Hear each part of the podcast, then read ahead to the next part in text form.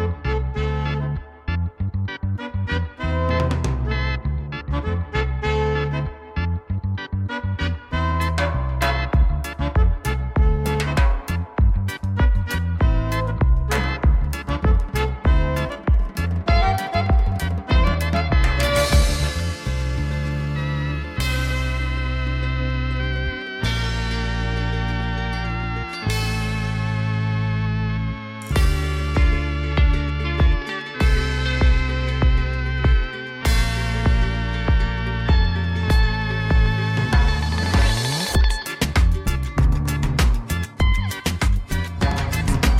midden in de nacht wakker, want we hebben die eclipse en zo. eh, Het is, allemaal nu aan de gang. Eh, dus ik werd eh, midden in de nacht wakker, ik moest eh, naar de wc.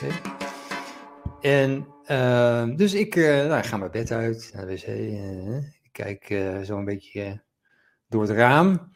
En ik dacht van, eh, wat, wat is het licht buiten? Is super licht. Dus ik loop naar het raam toe, ik kijk naar buiten. En inderdaad, het is super licht. De maan gaf echt fel licht. Je kon niet eens inkijken, zo fel. Het was net een zon eigenlijk. Oké. En eh, toen liep ik terug naar de slaapkamer. En toen dacht ik van, eh, nou, hoe, hoe laat zou het zijn? 33 over 3. Zo. Mooi 3, tijd. 3, 3. Ik moet er altijd wel een beetje om lachen, maar het was nu wel een beetje spooky. voor me. ja? Waarom is het spooky dan? Eh, nou, dat is, eh, kijk, je wordt niet sowieso wakker, eh, hè, zomaar wakker op, zo'n moment. Dan is het precies 333. Dat is ook het heksenuur, hè, tussen 3 en 4, het heksenuur. Dus, dus dan is ook weer de, de veel, is dan ook weer, hoe noem je dat ook alweer? Heel erg Dun. dun.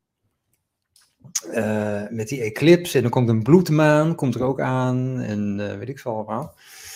Dus eh, dat is allemaal geen toeval. Dat is allemaal geen toeval. Ja.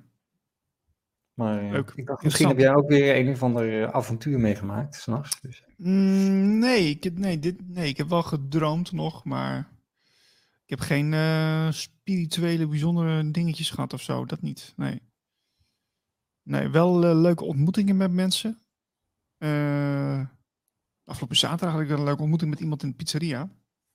Het is helemaal niet spiritueel hoor. Nou, ook wel een beetje misschien. Want ik eh, ging pizza's halen, we hadden hier een feestje. En eh, nou, toen moest ik even wachten in, bij het halletje daar. Nou, je, heb je gewoon een plekje en dan kun je zitten. Nou, ga maar even zitten. Dus die, die, eigenaar die kent mij. Die zegt, ga maar even zitten. Nou, ik ga zitten. En eh, dus kom ik naast iemand te zitten. Die zegt, nou, goh, ja, leuk, kom erbij. En hoe, het begint zo spontaan gesprek. En dan zit ik een beetje meepraten. En hij zegt, wat doe je dan? Eh, Ik zeg, nou, ik ben, ik ben programmamaker, ook voor een andere krant. De andere krant? Dat ken ik ook. En eh, ja, ik heb hier een eh, groep bij Wakker Zwolle en Wakker eh, Staphorst. Daar zit ik bij. En ik zeg, oh, oh, wat leuk, wat grappig. En nou, uh, zo een uh, nummers uitgewisseld en binnenkort een schuifdankje aan. Gewoon een beetje te ontmoeten en uh, te verbinden. Wie weet kunnen we dat voor elkaar doen. Ik zeg, nou, dat was gewoon een heel leuk gesprek. Dat, verwacht je niet, hè. Maar dan ga je net naast die ene zitten. Dat wil ik eens even aangeven het spirituele. En je kunt het ook weer, uh, je kunt zeggen, oh, dat is toeval. Maar dit, die gaat net naast iemand zitten waar het dan, waar dan zo'n verhaal uitkomt. Je wordt daar als het ware een beetje naartoe geleid. Ze voelde dat ook een beetje. En ik had al gelijk zoiets van, hé, hey, er is wat met die man. Dat, dat, ja, dat, die heeft me wat te vertellen. En dat was ook gewoon zo. En ik had er eigenlijk helemaal geen moeite voor. Ik ging alleen zitten en deed verder niet zo heel veel. En het ontstond gewoon. Dus dat is wel heel, heel leuk. Maar jij zegt, jij zegt dan ook dat je van de andere kant bent. Je had, je had ook iets anders kunnen zeggen. Ja, maar dat was nou precies. Dat is dus ook uh, waar ik ook weer, weer, weer, mee bezig ben. Dat ik gewoon het meer uh, gewoon, gewoon uitspreek wat ik doe. En niet, niet verhullend of zo van, oh ja, ja nee, voor de andere kant of voor uh, iets wat misschien voor sommigen controversieel kan zijn. Maar dat, dat, dat, daar, daar ben ik wel een beetje klaar mee. Ik ga het gewoon vertellen. En als het dan vervelend is, dat is dan heel vervelend voor diegene. Maar ik, ik ga niet meer. ja, niet dat ik dat echt zo moeite mee had, maar ik, ik, had, nou, ik had wel het gevoel dat ik het kon zeggen. Laat, laat, laat ik het dan zo stellen. En dat, dat zegt natuurlijk ook wel wat, hè?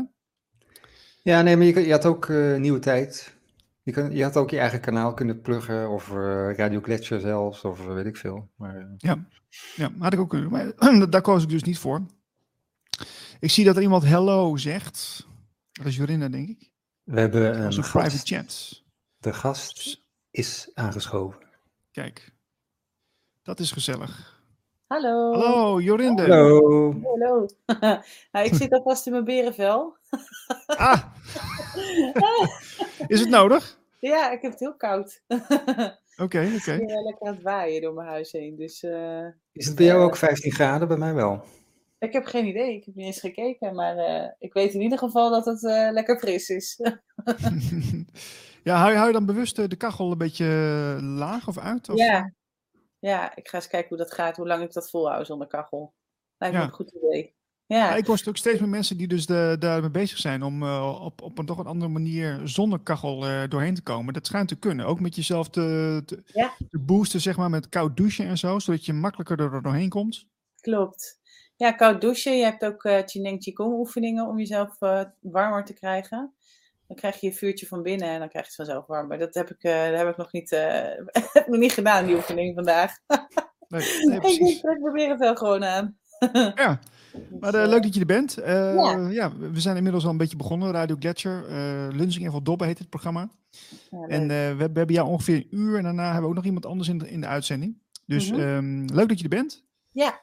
Nou, Erma die Ehm, gaf aan dat ze er ook uh, kom maar iets later is. Die eh, heeft volgens mij nog een cliënt tot half één. Dus misschien dat ze nog even aanschrijft uh, strakjes. Helemaal goed. Helemaal goed. We zien haar wel in het scherm dan, dan komen ze er gewoon gezellig bij. En anders dan, eh, dan gaan we gewoon met jou verder. Heel goed. Ehm, jij bent van de Free Spirits Community. Ja. En ik heb je natuurlijk in het verleden een keer geïnterviewd voor de andere krant. En ik dacht, nou, dat is misschien wel leuk voor, eh, voor Radio Gletscher om daar ook eens een keer aan te schuiven. Ja, En eh, we hebben hier een aantal luisteraars natuurlijk eh, die dit eh, kanaal ook eh, wekelijks meekrijgen. Kun jij Mhm. uitleggen wat de Free Spirits Community is? Ja, nou, Free Spirits Community is een, ja, noem het maar een beweging of een, een community van mensen die graag in vrijheid willen leven, die zelfvoorzienend willen zijn en die willen bouwen aan een andere aarde, een nieuwe aarde. En eh er zijn natuurlijk allerlei initiatieven al gaande, dat is super. En eh, wat we kunnen met ons eh, online platform bijvoorbeeld, is die initiatieven ook met elkaar verbinden. En verder is het eigenlijk de bedoeling dat we dus die dorpen gaan bouwen. Dus dat er zoveel mogelijk mensen willen aansluiten om dat te gaan realiseren. Ja, want een gigantisch project lijkt me. Ja, klopt. Het is niet iets wat je even doet, maar is wel iets waar, eh, waar in ieder geval mijn hart heel erg naar uitgaat. Ik ben daar nu, nu nou ja, een tijd geleden alweer mee gestart. En het was echt vanuit een visie, dus vanuit een, een, zelfs een visioen. Dus ik heb een ceremonie meegemaakt en daar zag ik de nieuwe aarde. En toen dacht ik, nou, dat is gewoon waar ik voor wil gaan. En dat, is, eh, dat was puur natuur, blije, vrije mensen. Ehm, weet je leven in harmonie, ook met de natuur. Uh, met de dieren, met de planten en de bomen. Zorgen dat je jezelf kunt voeden daar vandaan, in plaats van dat we het uit de supermarkt halen. Um, nou ja, ook uh, misschien wel een woning creëren die wat meer natuurlijk is, met, met, met natuurlijke materialen. Um, natuurlijk ook in de buurt van water, wat puur water is en niet meer vervuild. Nou, zo zijn er nog wel meer dingen die uh, eigenlijk voorbij kwamen. En wat daar gewoon heel fijn aan was, is in ieder geval dat het de vrijheid was om dat te kunnen doen. En je dus niet meer vastzit aan allerlei opleggingen of systemen, of hoe je het noemen, wil. Uh, en van daaruit, echt vanuit dat um, ja, roep naar vrijheid, om het maar zo te zeggen, die natuurlijk altijd bij jezelf begint en in jezelf zit, uh, ben ik begonnen uh, met Zooms houden en al die dingen. En mensen uh, gevraagd of ze mee willen bouwen daaraan. En inmiddels zijn we wat meer uitgegroeid en hebben we nu een voorbeeldplek gevonden in uh, Den Hoorn. En daar uh, kunnen mensen in ieder geval alvast zien hoe je in deze tijd zelfvoorzienend kunt leven. Uh, en dan werken we natuurlijk wel toe naar die dorpen die uh, uiteindelijk helemaal zelfvoorzienend zijn. En, uh, je hebt ook een hele grote kas, hè? Want ik ben bij jullie geweest toen destijds. Ja. Een grote kas en een groot buitengebied waar ook al wat, wat gebeurt en plekken voor, voor onderwijs.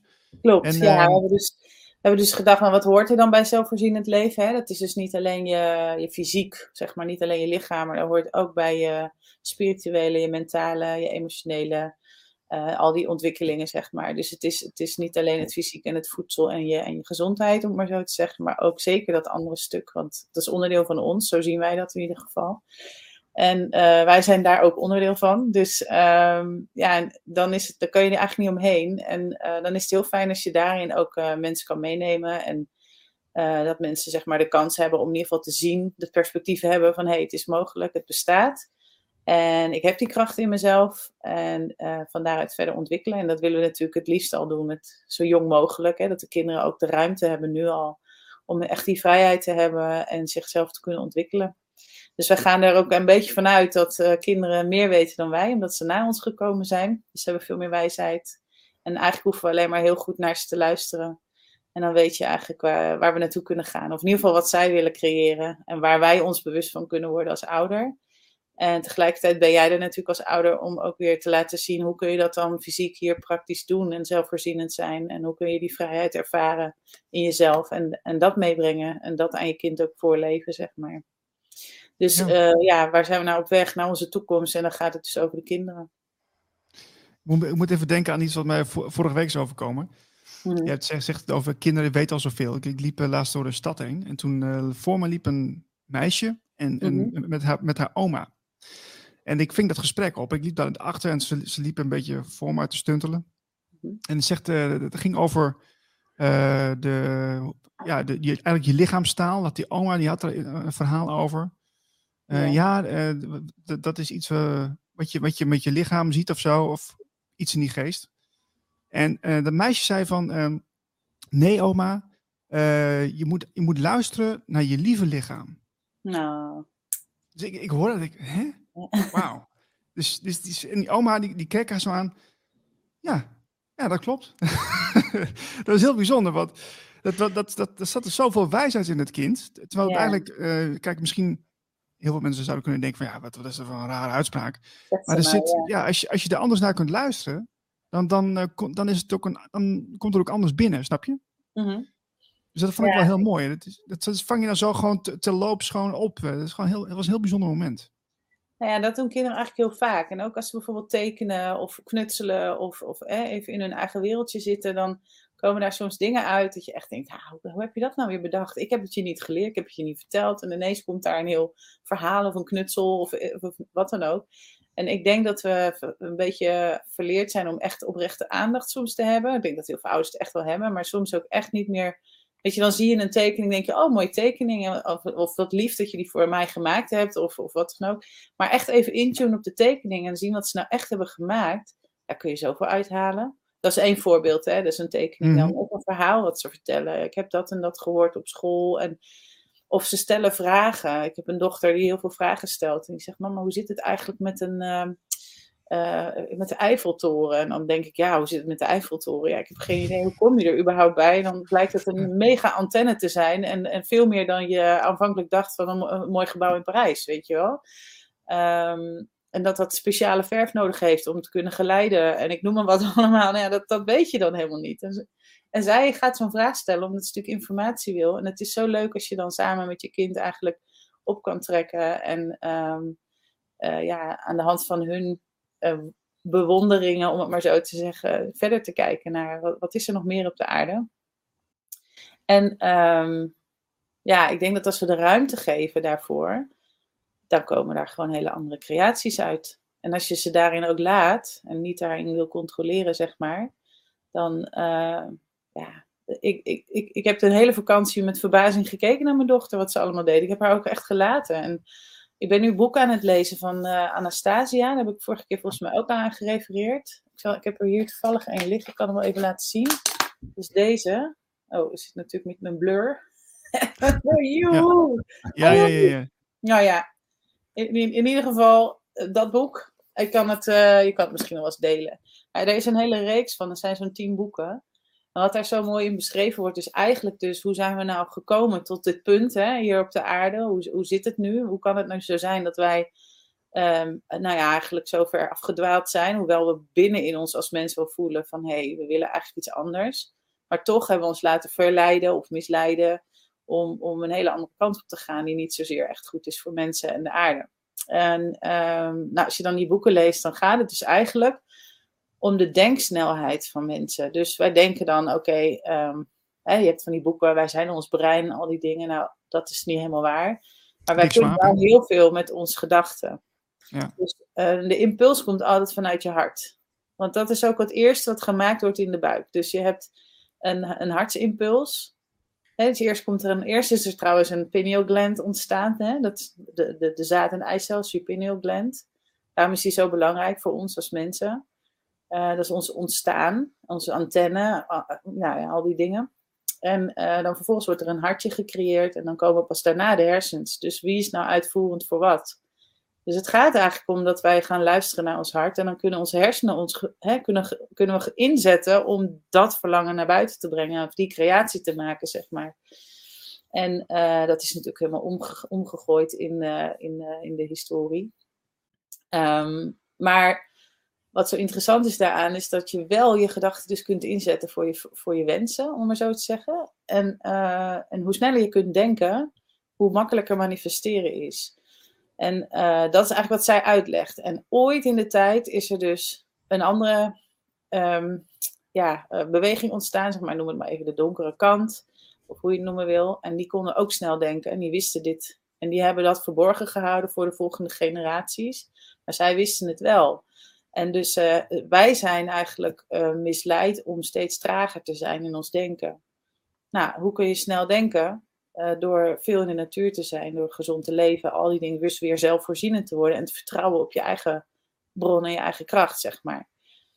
En het snelle denken, uh, dat zie je dus eigenlijk bij kinderen. Die komen vanuit, dit, vanuit die bron, van, die komen nog vanuit die puurheid, zeg maar. En die hebben die snelheid. Dus het is eigenlijk ook niet handig, dat zegt zij ook in haar boeken, om kinderen überhaupt um, te interrumperen in hun gedachteprocessen.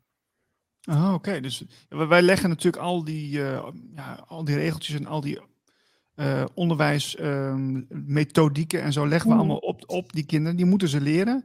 Ja. Moeten ze in, in, in, moeten in het kader passen. En als ze daar niet in passen, dan snappen zij het niet. Nee. Nee, dan zijn zij uh, fout af, gaat niet goed labeltje. En terwijl wij eigenlijk hun, hun hele creatief proces, hun gedachtegang, hun gedachtesnelheid beperken. Waardoor zij dus ook ja, geremd zijn in alles. dus in alles worden beperkt, om het maar zo te zeggen. Ja, en hoe ga je dat dan ehm, uh, weer omdraaien. Dat is de grote uitdaging nu. Ja, en je kunt het ja. dus ook weer versnellen. En dat geldt ook voor ons volwassenen. Uh, dat kan echt, als je echt jezelf de ruimte geeft om weer veel meer te gaan, gaan processen, letterlijk, zeg maar. Dat klinkt dan weer zo systematisch. Maar als je ja, jezelf de tijd geeft, en daarom is bijvoorbeeld lummelen ook heel belangrijk, of mijmeren, of al die dingen om gewoon weer bij jezelf te komen. En dus even helemaal geen impuls van buitenaf te hebben en weer van binnenuit naar buiten te gaan, zeg maar. Nou, en aangezien we dat allemaal hebben meegemaakt in de afgelopen tijd, en ja, nu lees ik daar dan over. En dat is dan meer bevestiging van, van ja, wat je al hebt gevoeld, denk ik. Uh, dus wat ik in ieder geval heb gevoeld in mijn leven. En nu uh, merk ik dus ook dat als je ehm, de gedachten die beperkend zijn, kunt pakken, dan kun je ze zeg maar ook, kun je ook zeggen, nee, daar doe ik iets anders mee. Of ik, ik, ik kies ervoor om daar niet naar te luisteren. Of ik uh, gooi het uh, terug naar het licht of waar het hoort, of wat dan ook. Ja, ja. Um, nou, dat is wel oefenen. Ik heb wel, uh, ik heb dit, dit principe, zeg maar, twaalf jaar geleden ooit tijdens een NLP-opleiding gehoord. En ik, ik, het is nu pas zover dat ik het kan toepassen. Weet je, dus dat het zo heel veel integratie nodig had. Ja, nou ja, ik hè dan. Dat wil niet zeggen dat dat voor iedereen zo is. Maar voor mij okay. heeft het wel even geduurd voordat ik kwartje letterlijk viel. En, uh, en je dus dacht van, oh, aha, zo doe je dat dus. Ja, ja. En maar anders hoe... er heel snel in en kunnen dat wel. Dus de snelheid, daar gaat het eigenlijk over. Hoe snel kun je denken en schakelen en ben je dus ook flexibel. En kun je dat brein dus ook steeds flexibel gebruiken. Blijf je niet vastzitten in dingen. Kun je anticiperen wat er is. Uh, nou ja, al die dingen. En ik denk dat kinderen dat kunnen. En als je dat open kan zetten of weer terug kan vinden. Uh, en het bij de kinderen dus open laat, om maar zo te zeggen. Ja, weet je, ik denk dat zij uh, op den duur, en ik weet niet wanneer hoor in de tijd, bij wijze van spreken kunnen zeggen: Nu wil ik daar een boom flatsen. En dat staat er, bij wijze van spreken.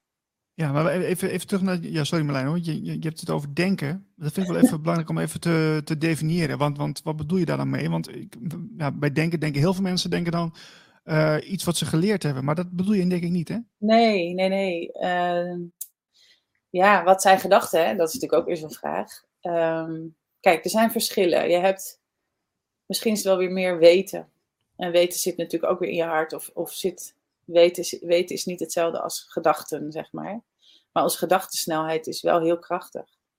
Dus um, ik heb een voorbeeld. Um, ik heb wel eens gedacht: Goh, hoe zou het zijn als ik uh, in plaats van dat ik geld krijg voor mijn diensten, gewoon een bordje eten krijg? En dan hoef ik verder niet geld en dan kan ik gewoon leven. En dan, hè, dan is dat gewoon het idee. Nou, dat was gewoon een gedachte, een, flits, misschien, misschien ook wel een flits, misschien is het wel intu intuïtie, ik weet niet. Maar er komt iets binnen en je, je kunt daar iets mee. Noem het inspiratie desnoods. Um, nou, kom binnen en dan uh, denk je van, uh, ja, wat is dat voor gedachte? Wat, wat kan ik daar nou weer mee? Ja, en dan vliegt het weer weg. nooit meer aan gedacht, niet meer over nagedacht. En ik ben uh, bezig en ik heb iemand aan de lijn gehad en heb ik geholpen met van alles nog wat, eh, emotioneel. En ik uh, zit s'avonds in een soort hangdoek, lekker te chillen in de zomer. En, en ineens staat daar een buurvrouw voor mijn neus met een bord eten. Zonder aankondiging, zonder dat ik dan had gevraagd, zonder dat we veel interactie hadden, want ik sprak haar nauwelijks.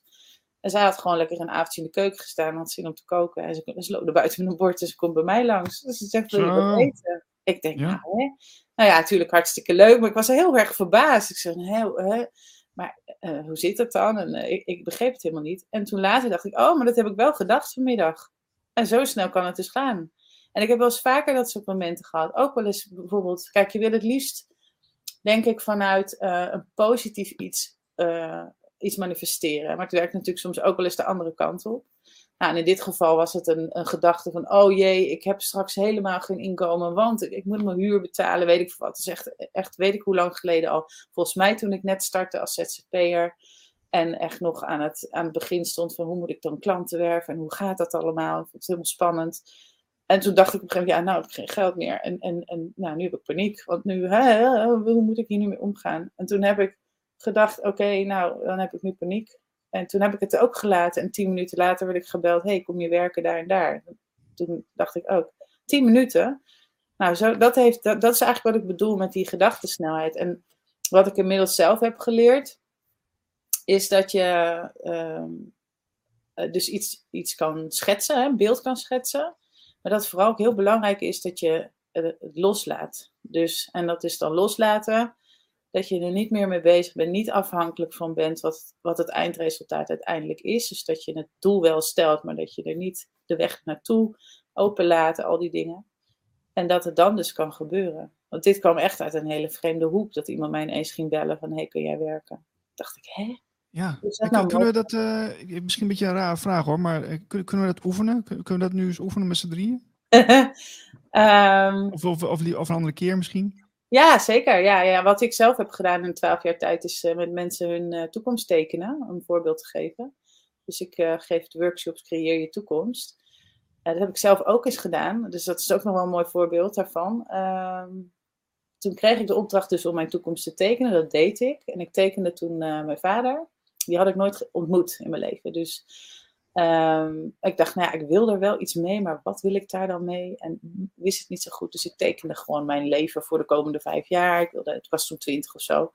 Um, ik wilde graag uh, mijn studie afmaken. Ik wilde gaan reizen. Ik wilde een huisje, boompje, beestje, een vriendje, al die dingen. Dus ik had die dingen zo een beetje, als begin twintig opgeschreven. Van nou, dat, dat lijkt me wel leuk. ik had dat gedaan in de vorm van een berg, met een bergpad richting de zon. En ik had ergens een zijpaadje gemaakt naar uh, mijn, mijn vader, zeg maar. Met een uh, mannetje had ik getekend, een hoedje op. En, uh, en, daarna nog wat vraagtekens, geloof ik. Want ik wist niet verder, na vijf jaar wist ik het niet meer, zoiets. En die tekening heb ik weggestopt als opdracht voor school, weet ik nog. Ik heb weggestopt, nooit meer naar gekeken. En ik denk een jaar of zeven later, toen was ik aan het verhuizen. En ik was aan het opruimen en allemaal dingen. En toen zag ik die tekening weer. En toen dacht ik, hé, hey, eens kijken wat ik toen ook weer had getekend. Dus ik sla dat open en het blad was uh, een A3'tje. En ik kijk en ik denk, uh, oh, oh, dat is grappig. Ja, dat heb ik allemaal gedaan. Ik ben gaan reizen, ik heb dit gedaan. Ik ben ook vriendje, want ik was gaan samenwonen. Uh, oh ja, huis, oh ja, hey. En ja, en ik heb in de tussentijd ook mijn vader ontmoet. Wat cool. En de eerste keer dat ik hem ontmoette, toen had hij een hoedje op. Dus ik dacht echt, hè? Zo. Hoe is het mogelijk, weet je wel? En, hoe, en, blijkbaar tot in detail kun je dat soort dingen dus blijkbaar creëren. En ik heb daar nooit bij stilgestaan, maar dat was echt zo'n boing, weet je wel? Zo'n moment dat je denkt, wow, dus als ik dit kan tekenen, ja, als ik het kan, waarom zou een ander dat dan niet kunnen? En toen heb ja, ik... Maar het, is ook de, de, het, het, jezelf van bewust zijn dat het inderdaad mogelijk is. Hè? Dat, uh, ja. Want dat wat heel veel mensen denken van ja, ik maak maar een tekening. En nou ja, maar dat, dat, is, niet, dat is niet zo.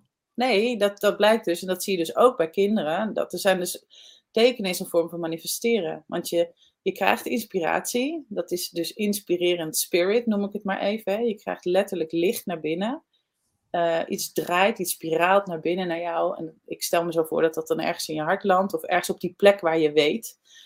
En um, vanuit daar kun je daarvoor kiezen om daar dus iets mee te doen, om daar een uiting aan te geven, iets met je handen te doen of een beweging of, of wat dan ook. Hè. Een, muzikant maakt er muziek mee of, of, iets met klank. Of, maar je hebt een, een lichaam gekregen om, om iets in de materie te zetten.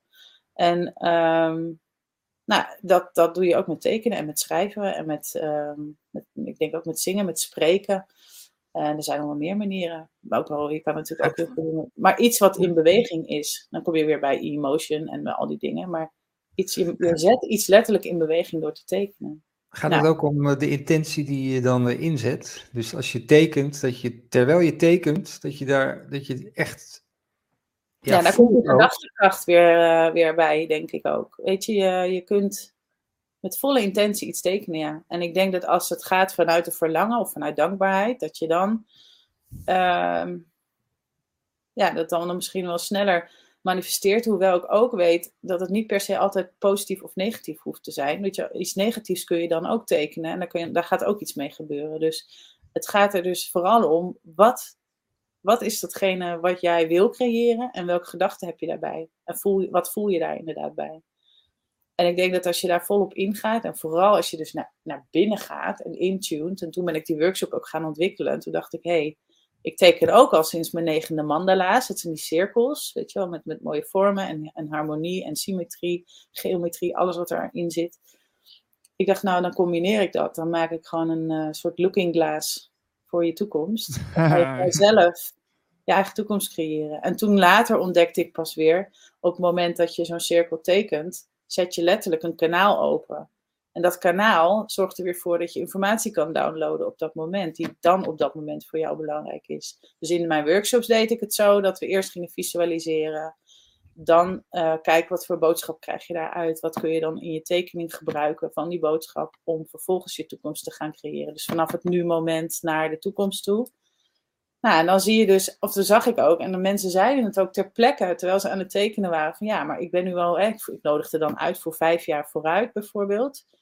En dan, en dan kwamen ze uh, tijdens het tekenen erachter van, hé, hey, maar dat is helemaal niet voor vijf jaar, dit is voor één jaar.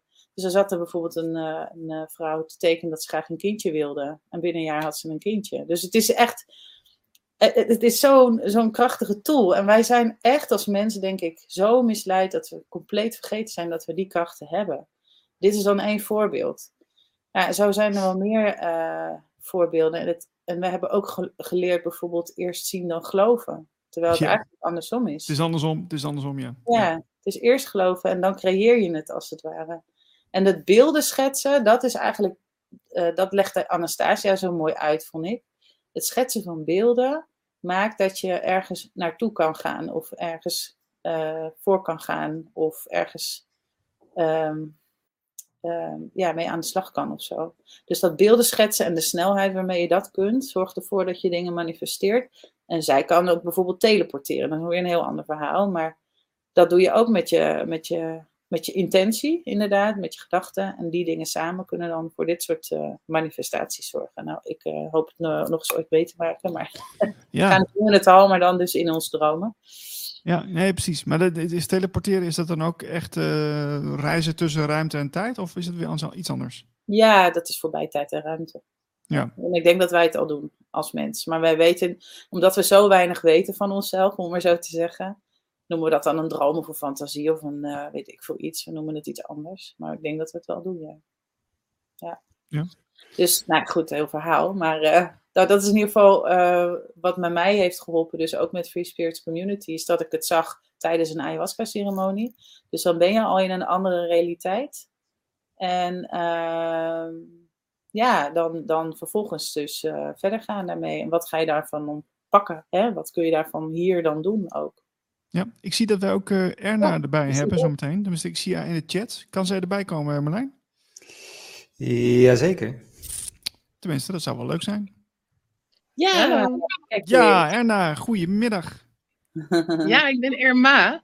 En Oh, eh, ja. ik zat al twintig minuten mee te luisteren, want er stond eh, dat ik wel binnengelaten zou worden op een bepaald moment. Toen dacht ik, nou laat ik eens even checken. Chatten. Heel goed, heel goed. Eh, nou, welkom in de show. Je, je bent samen nu eh, met je compagnon eh, in de uitzending bij Radio Gletscher. Ja, Ehm, dankjewel. Wat, wat als ik jullie even het, moet onderscheiden, wat, wat, wat, wat doe jij bij de Free Spirits en wat doe jij? Kun je het even toelichten, Erma? Oh, nou. Dat, Of is het dat je heel op- veel gevraagd? Ja, dat is, want dat gaat bij ons heel organisch. Ah, oké. Ik doe dat wat Jorinde laat liggen en Jorinde doet dat wat ik laat liggen. En we inspireren elkaar, we motiveren elkaar. Eh, we zijn soms keihard aan het werk tegelijkertijd eh, met een, eh, een lijntje digitaal. Maar soms ook zonder digitaal lijntje. En ehm, ja, en, en nou wat, wat, wat ik in onze... We, we werken vooral samen. Klopt dat Jorinde? Zoals ik, heb ik het Ja, goed ja, omschreven? Ja, wat, wat heel mooi is, wat er, wat er eigenlijk is gebeurd, dus nog even, even terug eh, naar de Free Spirits inderdaad. Dus wat heel mooi is, is dat er dus ehm, een start is gemaakt met het Free Spirits verhaal. En daar kwamen natuurlijk mensen bij en die wilden dat graag meedoen. En Erma was een van degenen die ook zei, hey, dat wil ik ook al heel lang en heel graag. En wil je graag mee aan de gang? En zij vond op een gegeven moment, ehm, eh, nou bijna een jaar geleden nu, een hele mooie plek. En daar was ze al vaker bij betrokken. En toen had ze zoiets van, hey, is dit niet een plek die we kunnen inzetten als, eh, als een voorbeeld? Of het is al helemaal af daar, dus een mooie... En we waren dus in de tussentijd op zoek naar plekken in Nederland om te gaan kijken of we daar zo'n dorp konden gaan starten. Nou, deze plek kwam voorbij en die was al helemaal af, om het maar zo te zeggen. Omdat die al helemaal zelfvoorzienend is. En, Erma had daar eh, al contacten, dus die is daar gewoon meteen eh, volop ingedoken. En ja, daar zijn we nu nog steeds mee bezig. We zijn nu echt een jaar verder volgens mij eh, vandaag. Precies vandaag. Of, hè? Ja, Vandaag precies. is het een jaar geleden dat we een bod deden op dit terrein. En Ja. het was wel het zoveelste eh, project. We zijn ook al met meerdere mensen. We hebben heel vaak groepen gehad met mensen die met elkaar samen eh, een dorp wilden bouwen. En we hadden ook meerdere stukken land bezorgd en bekeken. En dit, dit, deze plek is eigenlijk vooral voortgekomen uit de creatiekracht van mijn jongste dochter. Mhm. Want wij hebben dat jaar, want ik hoorde jullie praten over eh, creatiekracht. En wij hebben een jaar lang als gezin eh, regelmatig visualisaties gedaan. Dat we eh, een van ons aan het woord laten en beelden laten beschrijven. En ik hoorde jullie er net ook over praten. En wat bij ons heel belangrijk was met het maken van die beelden, is hoe je je erbij voelt. Dus een soort vo- gevoelsgeleidensysteem in je lijf, eh, met die inspiratie die eh, van boven komt, wat Jorinde zo mooi uitlegde. Eh, daarmee hebben wij iedere dag, of nee, niet iedere dag, eh, regelmatig visualisaties gedaan. En ehm, dit, is, dit terrein lijkt eigenlijk precies op dat wat we voor ons zagen. Mooi. Ja. Fascinerend hè, dat, het zo, dat het zo werkt. Dat we, dat we eigenlijk onze eh, kansen eigenlijk zelf eh, scheppen. Ja, Ja. klopt. Ja. Ja. Het heeft te maken met. alle eh, kanten.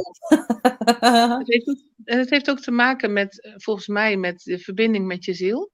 Dus, de- en, en het zielsplan wat je hebt toen, eh, toen je koos om, eh, om hier rond te gaan lopen. En wat ik heb ontdekt de laatste jaren is dat ik, eh, als ik in verbinding sta met mijn, mijn ziel en mijn zielsplan, dan voel ik daar ehm, eh, dan voel ik een bepaalde flow en een geluksgevoel. En als ik hem even kwijt ben, dan ga ik ook op zoek van ja, wat, wat is het op dit moment wat in, mij, in mijn leven mij blij maakt en gelukkig. En soms kom ik daar niet achter, maar dan kom ik er wel achter waar word ik nu heel intens verdrietig en depressief van. En dan zit ik aan de andere kant. En dan merk ik, oké, nu voel ik me echt heel beteuterd en verdrietig. Hoe komt dat? Wat was er dan heel belangrijk en wat heb ik gemist? En dan zit ik meteen ook weer op mijn zielsplan, maar dan vanaf de andere kant. Want dan zie ik van, nou, ik ben bijvoorbeeld helemaal beteuterd dat ik nu de verbinding ben verloren met een uh, bepaalde vriendin of zo. En dan is het van, oh ja, maar dat is dus waar ik heel gelukkig van word, verbinding. Verbinding maken. En dan ga ik dus weer kijken van, oké, op, op welke manier kan ik verbinding in mijn leven manifesteren? En dan zit ik weer aan de andere kant van mijn zielsplan. En dat is voor mij uh, hoe creatiekracht werkt. Ja, ik heb ook heel erg het idee dat, uh, dat zeker in deze tijdsframe waar we nu in zitten, dat, dat er best wel wat um, zielen op aarde, mensen die nu bezig zijn met een hele specifieke opdracht. En dat, dat zie ik bij jullie ook wel, maar dat zie ik ook bij ons wel met mensen die met media bezig zijn. die, eh, die als het ware daar een beetje voor klaargestoomd zijn. Zo, zo, zo voel ik het een beetje, maar ik weet niet hoe jullie dat zelf ervaren. Ja, ik denk dat je jezelf hebt klaargestoomd. Ja, Ja, zeker. Dus dat dat inderdaad een keuze is geweest om, eh, om dat hier te komen doen. En dat wil niet altijd zeggen dat dat. ehm, eh, ik denk dat deze, deze plek hier is echt om te ervaren. En, eh, de ups en downs, alles wat je. En, en daar zit dus je eigen. Nou ja, laat ik het zo zeggen. Misschien wel meer te gaan herinneren wie je bent. Dus alsof je hier een soort van neerge, neergedaald bent eh, zonder, zonder geheugen. Zo te blanco. Ja, en dan maar eens kijken wat, eh, wat, eh, wat kun je hier dan allemaal doen? Wat kun je hier maken? Wat kun je hier creëren? Eh, in hoeverre laat je je leiden of niet? En nou ja, dat zijn eigenlijk de dingen dan. En ja, dat zijn hele, hele, hele bijzondere wegen om te gaan. En de ene keer, hè, ik, zie, ik zie het dan even, ik schets het altijd als een soort metafoor, als een bergwandeling bijvoorbeeld. Je kan hele hoge pieken bereiken en prachtig uitzicht hebben. Of je kan ineens in een ravijn storten en denken, oh, heb ik nou weer beland? Of ik, auw, ik struikel over een steen, of ik val in een kuil, of ik neem een zijweg. En ik ben van mijn pad af, bij wijze van spreken. Maar ik denk dat de meeste mensen wel ergens een, een soort doel hebben. En, ehm, en dat we daar steeds ook naar op weg zijn. En als je het dan hebt over bijvoorbeeld alle verschillen die men benoemt, dan denk ik, als je weet dat je allemaal op weg bent naar dat ene, dan maakt het helemaal niet uit wie welke route kiest. Weet je, als je maar gaat voor dat ene. En ik denk dus ook in die zin dat ehm, we zijn nu allemaal een beetje verdeeld. Hè? Het is een hele individuele kwestie waar we nu in zitten. Dus niemand Zeker. anders kan het voor jou doen. Eh, je bent helemaal zelf aan de beurt, om het maar zo te zeggen.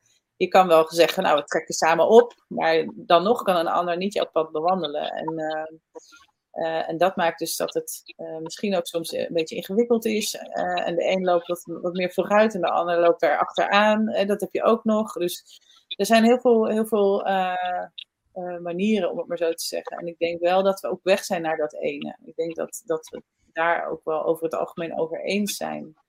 Ehm, en wat ik dus merkte tijdens die workshops, is dat iedere keer als mensen naar binnen gingen, kwamen daar dezelfde soorten verlangens en wensen uit. En dat ging dus over alle waarden die we nu ook met Free Spirits op hebben geschreven. Liefde, harmonie, vrede, vrijheid, natuur, eh, respect, ehm, plezier ook vooral. Hè? Dus dat je ook gewoon eh, het leuk hebt met elkaar en, creat en creat creëren, creatief zijn, je, je kracht gebruiken. Je potentie. hebben jullie, ehm Jorin, hebben jullie ook een soort van introductiedagen of meeloopdagen of zo? Nou, maar dat is nee, niet, niet zo eh, specifiek, maar dat is wel iets wat we zouden kunnen gaan doen. En ik heb ook, eh, dat is ook de reden dat ik toen met de Zooms ben begonnen. Om, eh, om gewoon met mensen in gesprek te zijn daarover. En te vertellen, nou ja, een beeld. Dit is een beeld wat ik heb geschetst. Maar vervolgens zijn er ook weer mensen die natuurlijk hun eigen beelden hebben. En wel geïnspireerd raken ook om daarmee aan de slag te gaan. En dat is denk ik ook wat vooral de bedoeling is. Dat, dat, dat iedereen zijn eigen eh, beeld gaat scheppen. En eh, nou, dit is één route. En zo zijn er meerdere routes. Dus die gaan maar het wel komen. introductiedagen. Ja, Ben ik het wel mee eens. het is meer inspiratiedagen. Hè? Ja, zeker ook als het om dit soort dingen gaat. Hè. Dus eh, zoals ik het zelf zie, is dat er eerst iets in een, in een andere. Nou ja, laat, laat ik zeggen, eh, vanuit de bron iets komt, hè, tot je kan komen, noem ik het maar even. Dus dat is weer die inspiratie. En, eh, en dan heb je dus de keuze, wat doe ik daarmee? En eh, als we dat inspiratiedeel negeren, en daar dus vanuit gaan dat het er niet is, ehm, ja, dan is dat denk ik jammer. Want ik denk dat, we, dat dat nou precies de crux is van deze tijd. Om ook daar naar te kijken en het vervolgens dus in de materie te zetten. Dus als het daar eerst zou starten, en dat, daar ben ik eigenlijk wel van overtuigd, dat het ergens start, wat tot jou kan komen waar je iets mee kan, dan kun je dat ook niet meer negeren. En dan komen er dus gewoon flitsen, van, of, eh, lichtflitsen noem ik het maar, of inspiratie. Of, het zijn zelfs letterlijk fotonen, heb ik begrepen, als je het dan wetenschappelijk zou willen benaderen. Het, zijn, het is lichtenergie, zeg maar, die tot je komt. En daarmee kun je dan iets maken. Hoe tof is dat? Eigenlijk Heel tof. In hoeverre gaat het om eh, de details? Want ik kan me voorstellen als je zo'n... eh, want ik zie het echt voor me als een soort Asterix en Obelix dorp. Wat Ja. eh, helemaal zelfvoorzienend is. Mhm. Maar ja, er moeten wel mensen, mensen wonen dan. Dus de, je moet wel mensen zeg maar toelaten die een beetje, hè, die dezelfde, een beetje de, op dezelfde manier instaan als jullie, Ja. die moet je toch een beetje een soort van screenen. Ja. Maar of hoef je daar helemaal niet mee bezig te zijn, omdat je denkt van, nou ja, ik heb het soort van in, in het kwantumveld gezet. Het, van, het manifesteert vanzelf, dus ik hoef daar helemaal ook niet over na te denken. Ja, ik Maar mensen vinden elkaar. Ja, dat denk ik ook. En Mensen vinden elkaar. Dat ook, Ja. inderdaad. Als, ik heb we hebben wel eens een situatie gehad dat we bijvoorbeeld zeiden van, nou, we komen met elkaar bij elkaar bij een familie thuis. Hè. Dat, was, dat, was, dat is een voorbeeld ervan. Eh, Oké, nou leuk, eh, we komen. Nou, dan waren we daar met z'n allen. En, eh, en, en natuurlijk op zo'n dag wil je een hapje eten, wat drinken, et cetera. Een- er moet een afwas gedaan worden of wat dan ook. En die dag was niet georganiseerd. Er werd niks georganiseerd. Dus er was niks vooraf gepland, geprogrammeerd, om het maar zo te zeggen. Er was helemaal niks. En alles liep zoals het gewoon liep. De een pakte een stoel, de ander ging lekker zitten, weer een ander ging eh, afwassen. Of zei, ik maak even koffie, heeft de zin. Weer een ander ging wat koken. Dus ik denk dat als je het kan zien in de nieuwe aardetijd, noem ik het dan maar even, denk ik dat daar weinig organisatie nodig is. Nu, hier, waar we nu zijn, is het misschien nog wel nodig. Omdat er nog zoveel mensen, ehm, ja, moet je dat uitleggen? Het, het loslaten van je houvast is eerst nodig voordat je dat kunt doen, zeg maar. En, en, en, dan loop je dus tegen al je pro- programmeringen aan. En je angsten en je, en je wat wil ik wel en wat wil ik niet. Ja, en dat los durven laten. En, en wat is dan loslaten? Het is natuurlijk weer zo'n platgeslagen fenomeen. Maar goed, loslaten is ook gewoon kiezen voor iets anders. Eh, loslaten wil niet zeggen dat je ergens tegenin moet gaan of, of wat dan ook. Maar loslaten is, is dus kiezen, de gedachten pakken en kiezen, wat doe ik daarmee? En dat is onze vrije wil. Dus Ja, vanuit je- die vrije wil kun je weer iets, weer iets kiezen en een route pakken, zeg maar. En, wil je wat zeggen? Sorry, Emma? Ja, ja, ik wilde er nog wat aan toevoegen. Dat als je gaat, want je, je vraagt, ik hoor dat je vraagt echt naar concreet. En, en, en hoe zie je dat dan concreet voor je? Nou, als ik, ik ben dan wel iemand die heel veel bemoeit met eh, mensen en de verbindingen tussen mensen. En uh, Jorinde noemde net al de waarden die we binnen Free Spirits Community heel hoog hebben zitten, zoals liefde creëren, samenwerken, ehm, eh, vrijheid. Dat zijn universele waardes. En de manier waarop wij als mensen allemaal vorm aan geven, dat is ongelooflijk verschillend. Je kan wel op honderd manieren kan je samen invullen of vrijheid.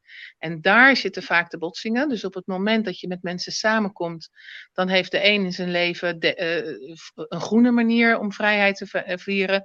En de andere heeft een rode manier om vrijheid te vieren. En op het moment dat je bij elkaar komt, kun je blijven botsen op nee, het is groen, nee, het is rood. Maar op het moment dat je zegt, ja, wat zit erachter? Wat zit er achter jouw vorm? Wat zit er achter de manier waarop jij er als schepper ook vorm aan gegeven hebt? En dat is, oh, dat is die samenwerking. Ja, maar die heb ik ook. En dan ga je terug naar, oké, mijn behoefte is samenwerking, jouw behoefte is samenwerking. Ik heb tot nu toe groen meegemaakt, jij rood. Wat gaan we doen? Gaan we kijken hoe het is voor de ander ook om groen te doen? Is het, uh, zullen we eens een hele andere vorm proberen? En dan ga je creëren weer met elkaar. Maar de basis blijft dan hetzelfde. Namelijk dat je verbonden bent op dat stuk van samen. Of het stuk van creëren. Of die vrijheid. Of liefde. En dan kan je dus uh, heel ver komen met een groep mensen. Blijf je hangen op de vorm, blijf je hangen op hoe jij in jouw leven jouw oplossingen hebt gevonden voor jouw problemen of voor jouw uh, gebeurtenissen die je hebt meegemaakt, dan is het veel lastiger om de juiste mensen bij elkaar te vinden, want dan ga je echt op de vorm mensen zoeken. Ja, maar dat doe, doe een beetje denken aan het feit van uh, ja, dat, dat je meer de focus moet hebben op de overeenkomsten in plaats van de, de, de, de, de, de zaken die niet uh, overeenkomen. En dat, dat is vaak de, de truc, hè?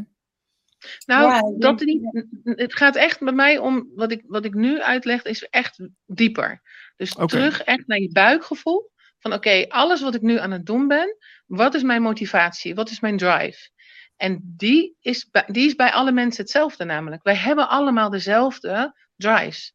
Als ik ze allemaal zou noemen, dit komt uit geweldloze communicatie hè, van Marshall Rosenberg. Als ik alle universele behoeftes, drives zou benoemen, dan zegt iedereen ja, die ken ik.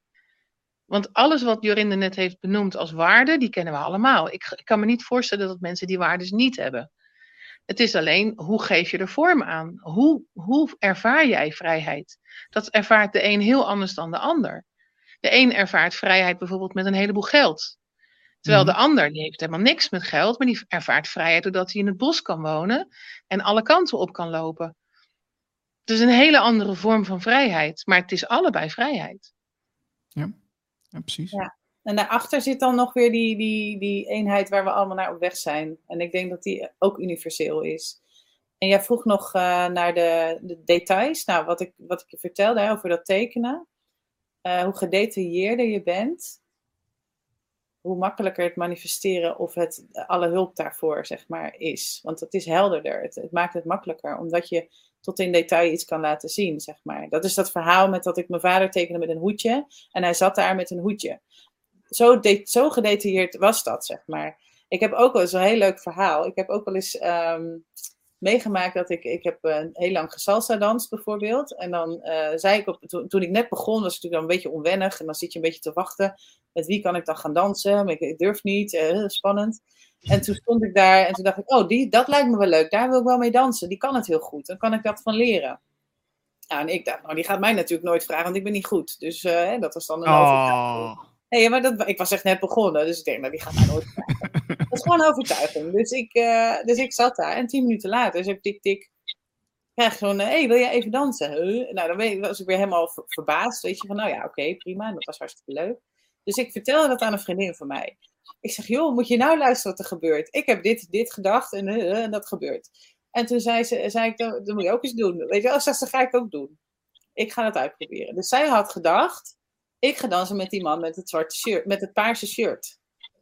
Nou, oké. En vervolgens ze wordt gevraagd om te dansen. En ze heeft een verschrikkelijke dans. En ze komt terug en zegt, nou, ik weet niet, maar dit was het niet. Ik zeg maar, bedoelde je deze dan? Nee, nee, nee, ik bedoel die met dat paarse shirt. Ik zeg, ah, zeg, er zijn dus twee met een paars shirt hier.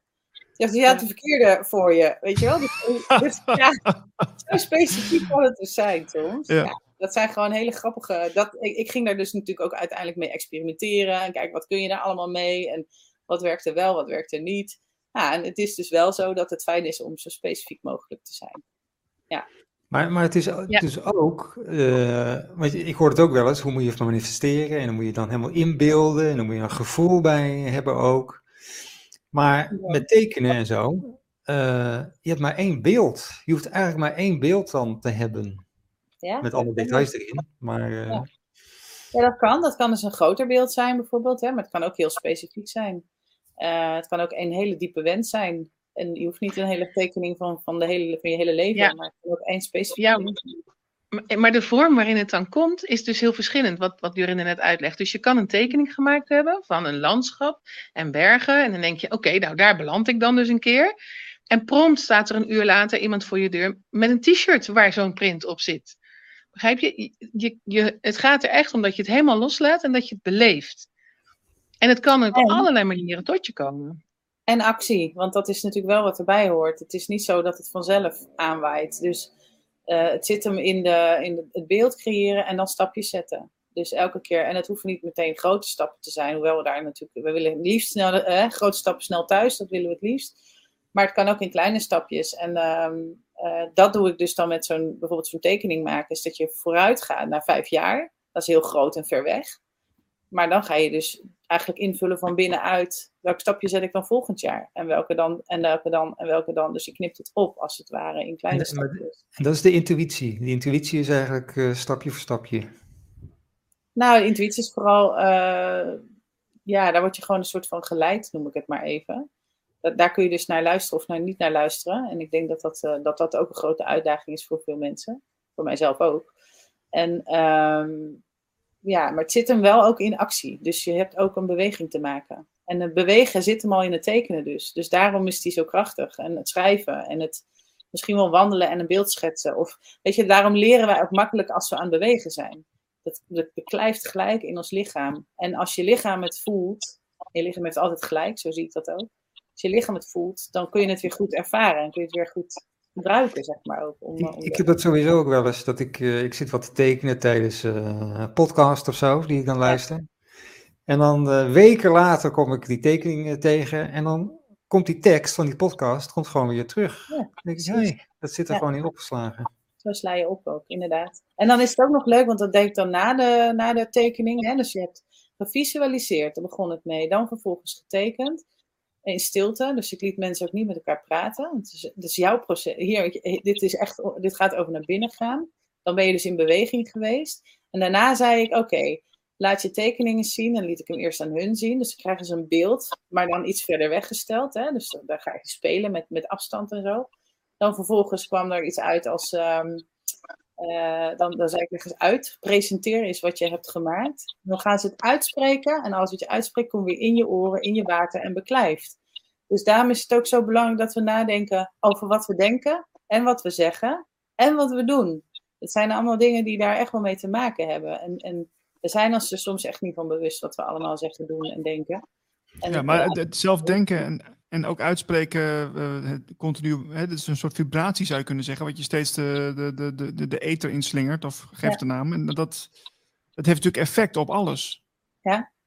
klopt. Ja. Klopt. Ik heb nog even vragen. worden wel gecorrigeerd ook, hè, Niels? Wij worden wel Ja. gecorrigeerd door gasten die zeggen: nee, je, je gebruikt dat woord en woord. eh, Dat, eh, dat, Ja, heel doen." goed om ons scherp te houden ook natuurlijk. Want eh, ja, we, bedoel, wij zitten allemaal in een proces. Dus eh, ja, dat, zo is het ook gewoon. Eh, ik had nog wel even een vraag aan Erma. eh, want jullie hebben natuurlijk ook een onderwijsafdeling. Ehm, als ik nou in Groningen woon, hoe, eh, hoe kan ik Ja. dan bij jullie aansluiten? Ehm, wat betreft, als je wil, wil leren, Ja? als je wil? Be- op onze belevingsschool. Mhm. Ja, nou, onze belevingsschool is, is opgebouwd vanaf de basis. De basis is een, een online omgeving, een online leeromgeving. Eh, waarin er allerlei inspiratiemateriaal is en waarin je ook kan vragen. Dus je kunt vragen wat je, wat je wil ervaren en wat je wil leren. Bijvoorbeeld wat Jorinde nu heeft uitgelegd. eh, mandala tekenen en je eigen toekomst tekenen. Dus je kan zeggen van nou daar heb ik zin in. Of dat voel ik. Of daar wil ik steun bij. Ehm, en dan wordt er materiaal gemaakt. eh, of er wordt materiaal gezocht voor jou. Dat is de basis. En op het moment dat je zegt, ja, maar ik, ik wil niet alleen maar een online leeromgeving. Ik wil ook eh, fysiek bij elkaar komen. Ik wil ook eh, dingen doen. Dan kan dat ook. En dat zijn dus allerlei pakketten die, eh, die aangeboden worden door de school. Waar, waar jij voor kan kiezen om aan mee te doen. En, je kunt, en dat is dus helemaal opbouwend. Je kunt ook in een groep van eh 40 mensen ehm, in, een, in webinars gaan zitten. Eh, nee, niet in webinars, maar echt eh, online les. Dus dan is er een, eh, iemand die online les geeft en die dus dire- direct dingen kan aanbieden die er op dat moment worden gevraagd. Want als je niet in een online les zit, dan moet je het allemaal in de chat doen. En in een online groep kun je ook met elkaar verbinden, maar dan digitaal. En dan kun je ze heel veel creëren als je dat met elkaar doet. En zo kan je steeds meer kiezen. En je kunt ook kiezen voor individuele begeleiding. Je kunt kiezen voor grote groep en kleine groep. En dus ook fysiek. En we proberen iedere maand eh, een, een praktijkweek te organiseren, een soort kampweek. Ook een kampweek waar je ook kan logeren. En dan kan Oh, jij leuk. logeren met je kinderen, ja, op allerlei verschillende locaties. En we hopen ook eh, dat dat helemaal in Europa kan. We zijn nu ook al in België bij locaties geweest. Maar dat kan van alles zijn. Hè? Het kan in een tuin zijn, het kan in een, eh, op een schip zijn, het kan ook in een. Op een we, we hebben nu, eh, voor, in de herfstvakantie zijn we bij een kasteel geweest in België. Nou, dat kasteel dat eh, moet nog helemaal gebouwd worden. Dus dat zou ook een praktijkweek kunnen zijn. Dat we met z'n allen daar eh, stenen gaan, gaan sjouwen en een dak maken om een kasteel te bouwen. En dat zijn allerlei voorbeelden die we, die we gaan maken. Maar we hebben heel veel ideeën en een heel mooi beeld ervan. En wat we nu vooral nodig hebben is eh, hulp. In de Ja, vorm vrijwilligers van, of, ja, of Ja. collega's, eh, of geef het een naam. Ja, precies. Ja, ja. Ja. Ja, want eh, het loopt storm en mensen vinden het ontzettend fijn, deze vorm van leren. Het past zo bij deze tijd. Het, past bij, eh, het is zo toepasbaar bij jou, waar jij staat in je leven. Ehm, het is echt evenwaardig. Er is geen hiërarchie. Er is niet iemand die het meeste weet. Het is delen met elkaar en, en, en creëren dus ook. Het is eigenlijk ook een creëerschool. Ehm, maar ja, we hebben ook mensen nodig die, eh, die helpen bij de administratie, die helpen bij eh, inspiratie, eh, materiaal maken, helpen bij locaties. Nou, dat soort zaken. Ja, hoe, hoe kunnen mensen jullie bereiken? Want we, ik zou zeggen, plug het even voor de mensen die nu meekijken. We hebben een website, dat is de www.freespiritsexperienceschool.com om het makkelijk te maken. en eh, ook via de website van freespirits.community kun je ons vinden door op de button te klikken voor de, voor de school. Dat is gelijk bovenaan de website. Uh, dus daar kun, je, daar kun je sowieso terecht. Dan kun je even kijken wat het allemaal is. Uh, we zijn op dit moment ook bezig met het uh, verkrijgen van vrijstellingen voor de leerplicht, zeg maar. Dat is nog niet helemaal rond. We dachten dat we daar echt een goede uitweg al mee hadden gevonden, maar dat is toch wat ingewikkelder gebleken. Dus op dit moment gaan we gewoon allerlei stappen zetten om te kijken hoe we dat voor elkaar krijgen. En dat is gewoon steeds waar we mee bezig zijn. Het gaat natuurlijk om die vrijheid. Dus uh, het zijn elke keer bewegingen daar naartoe. En uh, ja, dat is niet altijd meteen uh, even voor elkaar. Het liefst had je het morgen al gedaan. Maar daar hoort een heleboel bij. Daar hoort dus bij hoe sterk sta je in je schoenen. Daar hoort bij welke kennis neem je tot je. Daar hoort bij ja, hoe ver wil je daarvoor gaan. en het gaat natuurlijk om, om je kinderen. En ook zeker in school, in school en scholing is dat natuurlijk een heel ander verhaal. Dus um, ja, dat is gewoon een zoektocht. En, en we gaan gewoon daar. we zijn altijd continu bezig met, met pionieren wat dat betreft. En doorgaan en kijken welke stapjes kunnen we zetten. Dat kunnen we allemaal ja, maar, waar, waar, Jorinde en ik, waar Jorinde en ik goed in zijn, is uh, eerst doen en dan kijken hoe het gaat. En dan bijsturen en een beetje laveren.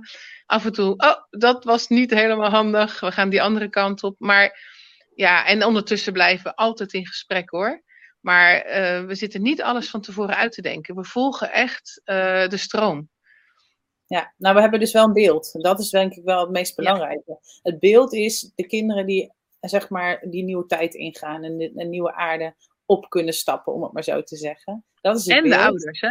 De kinderen en de ouders. Want onze school is voor 5 tot 88. Ja, precies. Dus als je volwassen bent, kun je ook meedoen als je het leuk vindt. Dan kun je sowieso gewoon leuke lessen volgen. En dan gaat het niet meer over leerplicht natuurlijk. Maar, uh, en het kan ook voor kinderen die wel uh, gewoon heel graag naar hun uh, huidige school gaan. Misschien ook interessant zijn, hè? dat je daar, daarnaast en daarbuiten ook nog allerlei dingen kan gaan doen. dus het zijn allemaal opties. en een van de dingen die wij graag willen is dat het natuurlijk ook voor de leerplicht geregeld is. En dat is nog een, weg waar we nu in, in, in geslagen zijn. Dus, um, maar het is in principe een buitenlandschool. Dus ook nog wel leuk om even te vermelden. Uh, gevestigd in Wonderland. Nou, daar zijn ook allerlei dingen gaande, dus daar zijn we ook nog mee bezig hoe, uh, hoe zich dat precies manifesteert. Maar Wonderland? Geval, ja, heb je wel Wonderland is een vrijstaat. Kijk. Ja. Oké. Okay. Heb jij wel eens gehoord, uh, Marlijn, Wonderland? Nee, nee. Okay. Nou, dat is leuk. Dan kunnen jullie wel eens opzoeken. ja, zit, is... zit, zit, er ook een vlag bij? Of, uh... Ja, er is vlag bij. Ja, Wonderland, is een, Wonderland, Wonderland is een vrijstaat tussen Nederland en, uh, en Duitsland. Ja, en dat, is okay. zich, uh, dat zijn er echt al heel lang mensen mee bezig. Als, een, als in een vrije mensbeweging, zeg maar. Om, omdat ehm, ja, nog meer naar buiten te brengen en zo. Alleen de Nederlandse overheid, overheid en de Duitse ook, die zijn daar natuurlijk niet zo happig op. Uh, want het is uh, vrijstaat is vrij. Dat is niet de bedoeling natuurlijk. Dus uh, ja, wat kunnen we daarmee wel? En dat, dus ook dat zijn dan weer stappen en, en mogelijkheden waar we naar kijken. En ehm, dit is voortgekomen uit Eurostaten. Misschien heb je daar wel eens van gehoord. Nou, in ieder geval ja, is het een hele interessante ehm, ontwikkeling. En ontwikkeling om eens in te duiken. Ik was even benieuwd, uh, Jorinde. Uh, want, want, er zitten ook misschien mensen te kijken die, uh, die, ja, die echt serieus overwegen. Want wat, uh, wat is het kostenplaatje als, als ik me aanmeld bij jullie? Nou, voor het zelfstandig pakket, het is dus een pakket, dan heb je gewoon alleen toegang tot de online community. Dat is dus echt het online gedeelte. Er is dan geen begeleiding bij, kun je voor 100 euro per maand je kind inschrijven.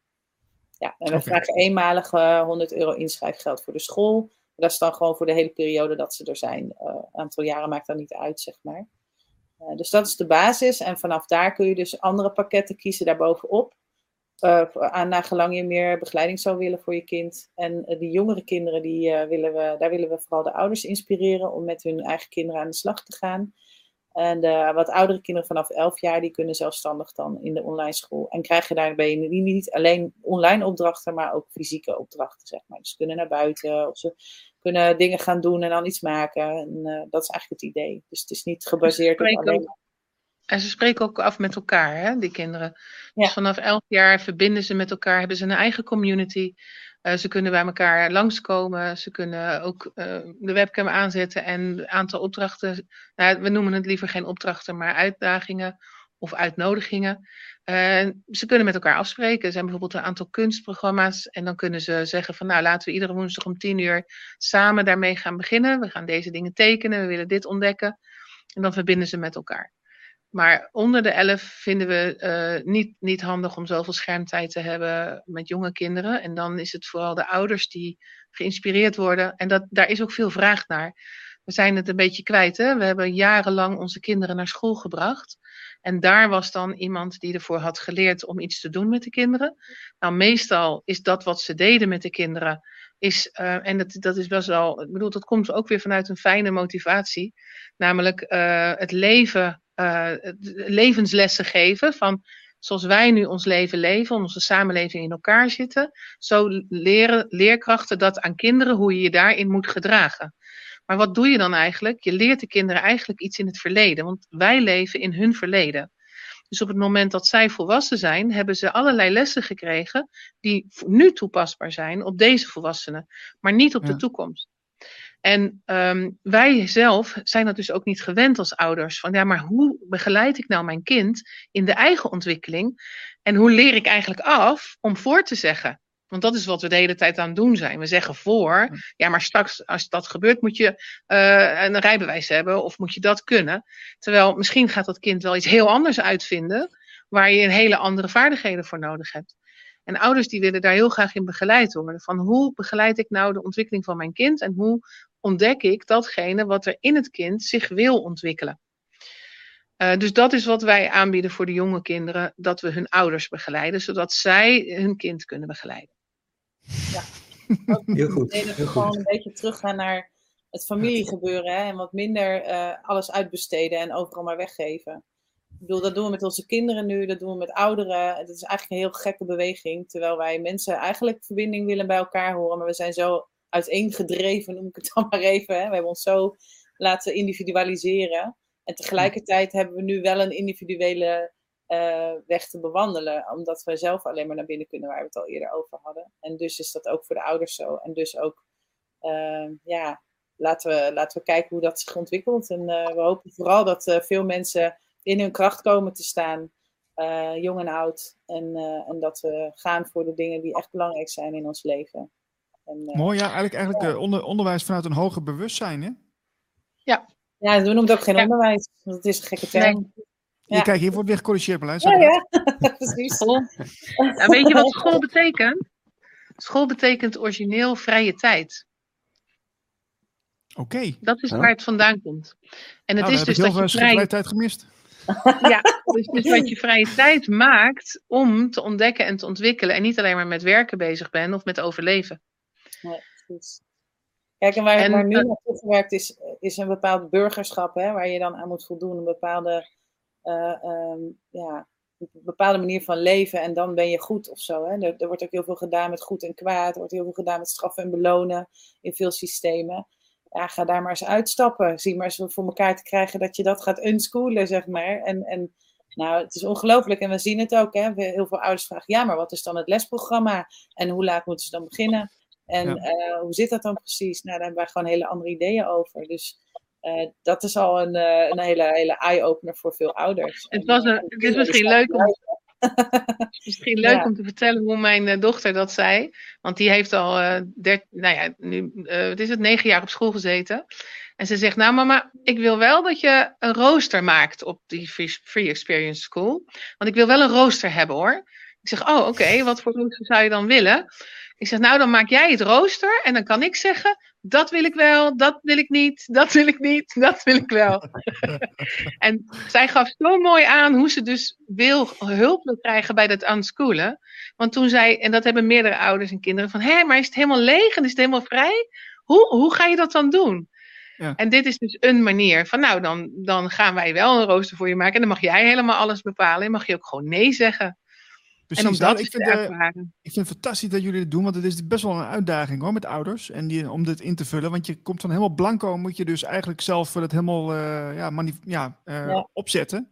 Ja. Nou, dat lijkt me toch best wel pittig hoor, als je, als je een paar kinderen thuis hebt en zelf ook nog allerlei dingetjes moet organiseren en dat, dan nog dat, dat erbij. Oeh. Dat is het hele punt hè. Kijk, we, we zijn dus ook daarin zo afgeleid. We moeten werken voor geld, voor een huis, voor al die dingen. En dat maakt ook dat we dus daardoor hebben besloten om onze kinderen uit te besteden. Het is natuurlijk eigenlijk omgekeerde wereld. Ik heb me ook wel heel vaak verbaasd, zonder daar verder een oordeel over te hebben. Ik begrijp het heel goed. Ehm, maar ik heb me echt verbaasd over het feit dat er heel veel ouders hun kind naar kinderdagverblijf brengen en dat de moeder dan werkt voor geld om het kinderdagverblijf te kunnen betalen. Ja, het is zo. Het is nou, het is extremer. Het is nog extremer, Jorinde. Goed. Ik begrijp het echt heel goed. En, het is... en ik snap ook dat het voor heel veel moeders fijn is dat ze gewoon hun eigen tijd hebben. Hè? Dus dat je ook dat nodig hebt als, als ouder. Dat je daar dus ook ruimte voor nodig hebt. En ja, toch is het zo, uh, ja, het voelt voor mij heel gek. Maar ja, ik begrijp het ook. Ja, het ja, op het moment dat je met een aantal volwassenen bij elkaar bent en kinderen, als dat in balans is, dan kun je heel veel vrije tijd ervaren terwijl je kinderen om je heen zijn. Maar we hebben kinderen dus ook heel erg vastgekoppeld aan het eigen gezin, waardoor die zwaarte zo, zo groot wordt. En ik wilde nog iets aan toevoegen wat je net zei over die kinderdagverblijven. Het is zelfs zo extreem in Nederland dat als jij gastouder bent, dus je hebt kinderen in je huis waar je voor zorgt en daar krijg je geld voor, dat je dat niet krijgt voor je eigen kind. Dus jij moet je eigen kind bij iemand anders in een gastouder, uh, dus bij een ander brengen voor opvang, om te kunnen zorgen voor andere kinderen. En doe je dat niet, dan heb je namelijk wel een plek bezet met je eigen kind. Begrijp je hoe, hoe raar ons systeem in elkaar zit? Dus het, aan de buitenkant lijkt het alsof we daarmee vrije tijd hebben gekregen, maar dat hebben we helemaal niet. Nee, ja, zo is het met heel veel dingen. Er, er zijn zoveel van die puikjes, zeg maar, waar we allemaal ingetruid, ingetrapt zijn en ingetuind zijn. En het is dus eigenlijk gewoon ook het ontrafelen van al die dingen. En uh, ja, dat is een hele weg te gaan. Dat begint, ja, je kunt uh, alle gekkigheid uh, wel gaan opzoeken in alle aspecten van ons leven. En, en dan kom je gewoon tot hele, soms hele vervelende dingen. En de kunst is dan om daar dus weer doorheen te gaan en te zeggen: Oké, dit is dus wat er nu is. Nu heb ik gezien wat het is. Het is echt niet fijn. En nu schijn ik mijn licht erop. Maar nu weet ik, ik ben een mens, ik kan creëren en ik kan dus ook iets anders gaan maken. En ik kan iets anders creëren. En voor zover ik het heb begrepen, is de kans om dat te doen is nu. En die zal ook niet worden tegengehouden. Dus men denkt misschien wel, oh jee, oh jee, we gaan hier niet doorheen komen. Maar dat is niet waar. Ja. Uh, we zijn er al doorheen. Alleen dan kom je weer op dat, uh, dat inspireren en het ma materialiseren, om maar zo te zeggen. Wij zijn nu aan zet om het in de materie te brengen. Ja, maar dit is ook een hele cruciale tijd, hè, Jorinde? Want uh, nu, dit, in dit tijdframe, nu moet het gebeuren. Je kunt het niet over twintig jaar doen, nu moet het gebeuren. En ik ben ontzettend blij dat jullie het doen en dat wij er aandacht aan kunnen besteden bij uh, Radio Gletscher. Voor, een, uh, ja, voor diepere radio, hoger bewustzijn met, met dit soort prachtige projecten. Ja, super. Ja, en heel tof dat we daar ook even over konden vertellen bij jullie. ja. Graag gedaan. Ja, en en kom over een jaartje weer terug, zou ik zeggen, want dan ja. zijn jullie vast veel verder gekomen. Dat hopen we wel, ja. ja dat kun je keer... gewoon. Zo is het. Ja. Uh, kun, kun, je nog één keer noemen uh, je website en je e-mail voor de mensen die uh, meeluisteren? Ja, dus voor de, voor de bouw van de dorpen, zeg maar even, is het freespirits.community. Dus het is een S tussen spirit en, en spirits, dus met een S. freespirits.community. En voor de school is het freespiritsexperienceschool.com. En dan uh, daar staat ook uh, e-mail bij. En als het er niet bij staat, kun je gewoon in ieder geval voor Free Spirits Community info gebruiken. Info aapstaartje freespirits.community. En voor de school is het verbinden aapstaartje freespiritsexperienceschool.com. En jullie hebben een hele toffe nieuwsbrief, heb ik gezien. Klopt, ja, kun je ook nog voor aanmelden. Dat kan weer via de website van Free Spirits Community. Onder blog, daar zie je een, uh, een mogelijkheid om je even aan te melden voor de nieuwsbrief.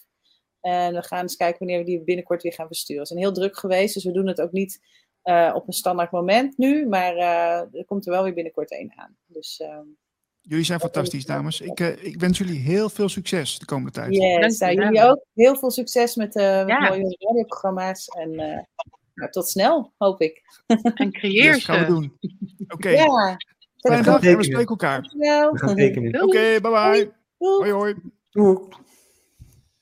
Ja, mooi, fantastisch. Free Spirits Community. Um, voor de mensen die uh, ja, toch zoeken naar een gepaste plek voor onderwijs en uh, ja, hoger bewustzijn, dan moet je daar zijn. Dus uh, mooi om dat, dat soort boodschappen te kunnen brengen bij dit, bij dit programma. Um, we hebben nog eventjes voordat onze volgende gast komt. jij had nog een paar dingetjes die jij wilde bespreken, Marlijn? Ja. Ja, zegt hij. Ehm, dit stond in het nieuws. 17 oktober was dit, jongstleden. RTV Noord komt dit vandaan.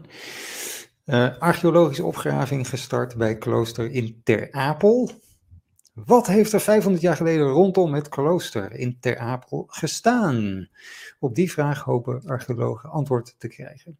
De onderzoekers zijn nog tot en met vrijdag bezig met archeologische opgravingen op twee plekken rondom het klooster. De bedoeling is dat ze volgend jaar terugkomen en dan op andere plekken opgravingen gaan doen. Dat is allemaal uh, leuk en aardig. Leuk en aardig. Maar daar moet je wel een beetje mee oppassen. Met het opgraven van dingen. Want dit stond op uh, Gaialogie. Van uh, Dick van der Dol is dat. Die zegt.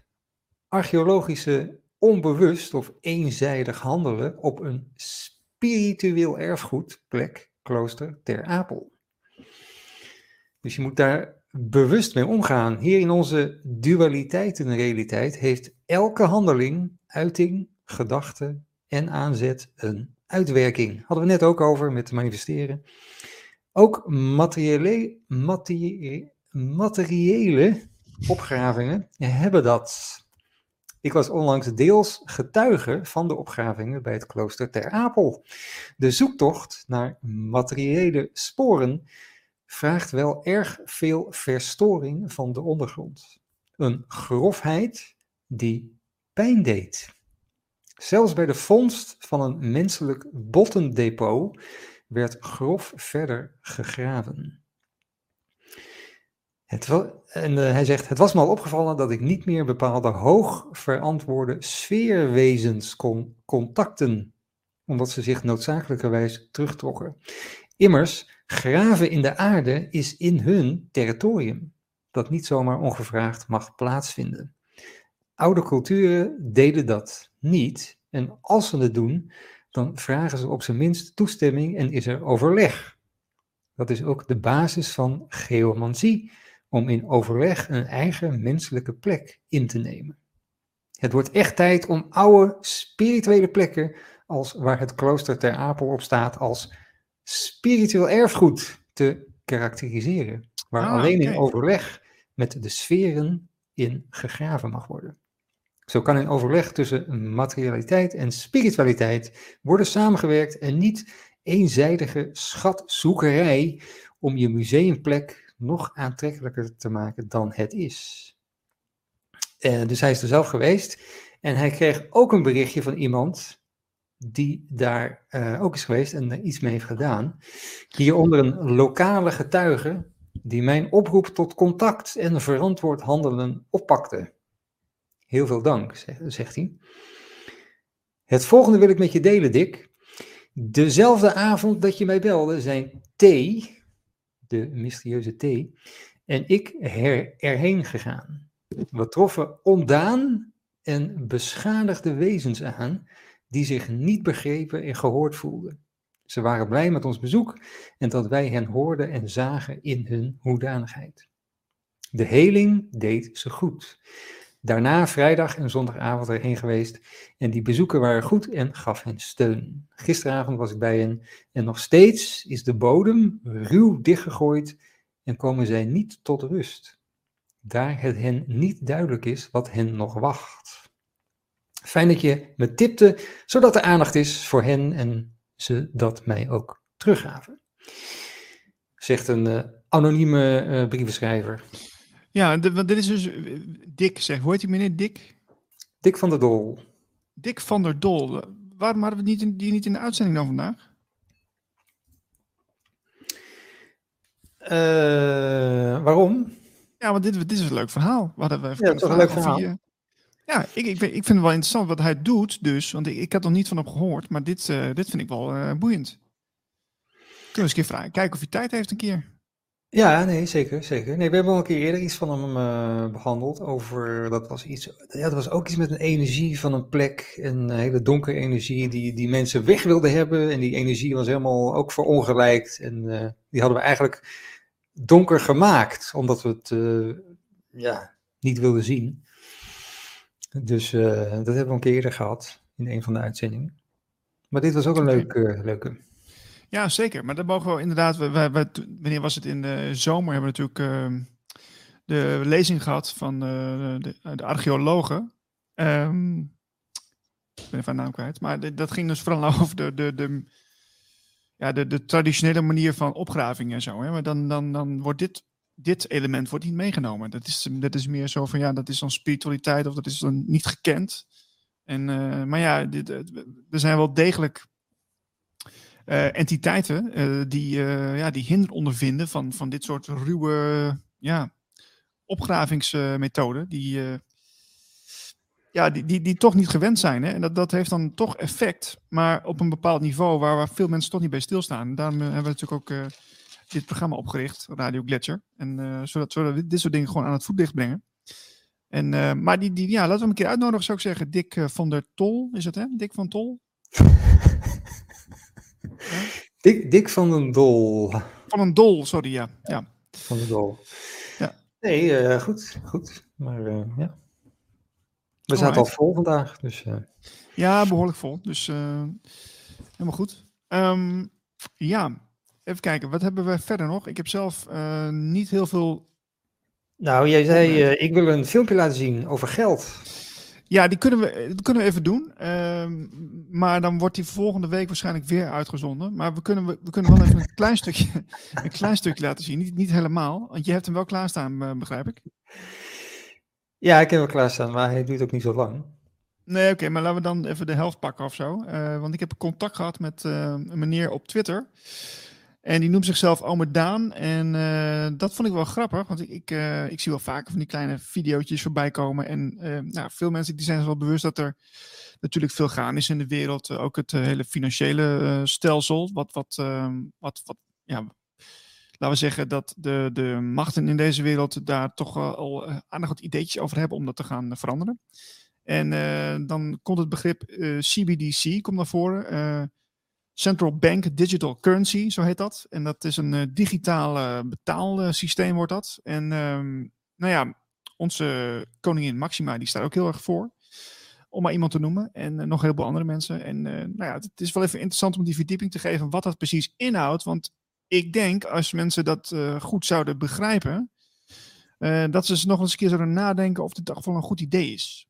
Um, dus daarom, daarom deel ik het ook voor een hoger bewustzijn, uh, een hoger perspectief. Uh, dus ik, als je hem nu klaar hebt staan, kunnen we wel eventjes een kort fragmentje laten zien. Want Ome Daan die legt er dus uit in dit uh, filmpje. Central Bank Digital Currency, oftewel de digitale euro. Wat is het en wat speelt er? Voorheen hadden, had de overheid grip op het uitgeven van geld door cash. Maar tegenwoordig geven de banken geld uit. En heb je een banksaldo en is dat allemaal digitaal. De overheid wil ook in die digitale wereld meer controle krijgen en is daarom bezig om een digitale euro uit te geven door de centrale bank. Wat betekent dat? De overheid kan weer in controle komen en het geeft ook de mogelijkheid om geld programmeerbaar te maken, om geld te oormerken. Uh, je zou kunnen zeggen, elke inwoner krijgt 100 euro. Of je kan het aan voedsel besteden. Of je kan in elk geval witwassen daarmee tegengaan. Uh, en je zou specifiek gedrag kunnen vermijden of stimuleren. Daar komt de politiek eigenlijk bij aan de orde. Maar heel veel mogelijkheden om het geld te controleren.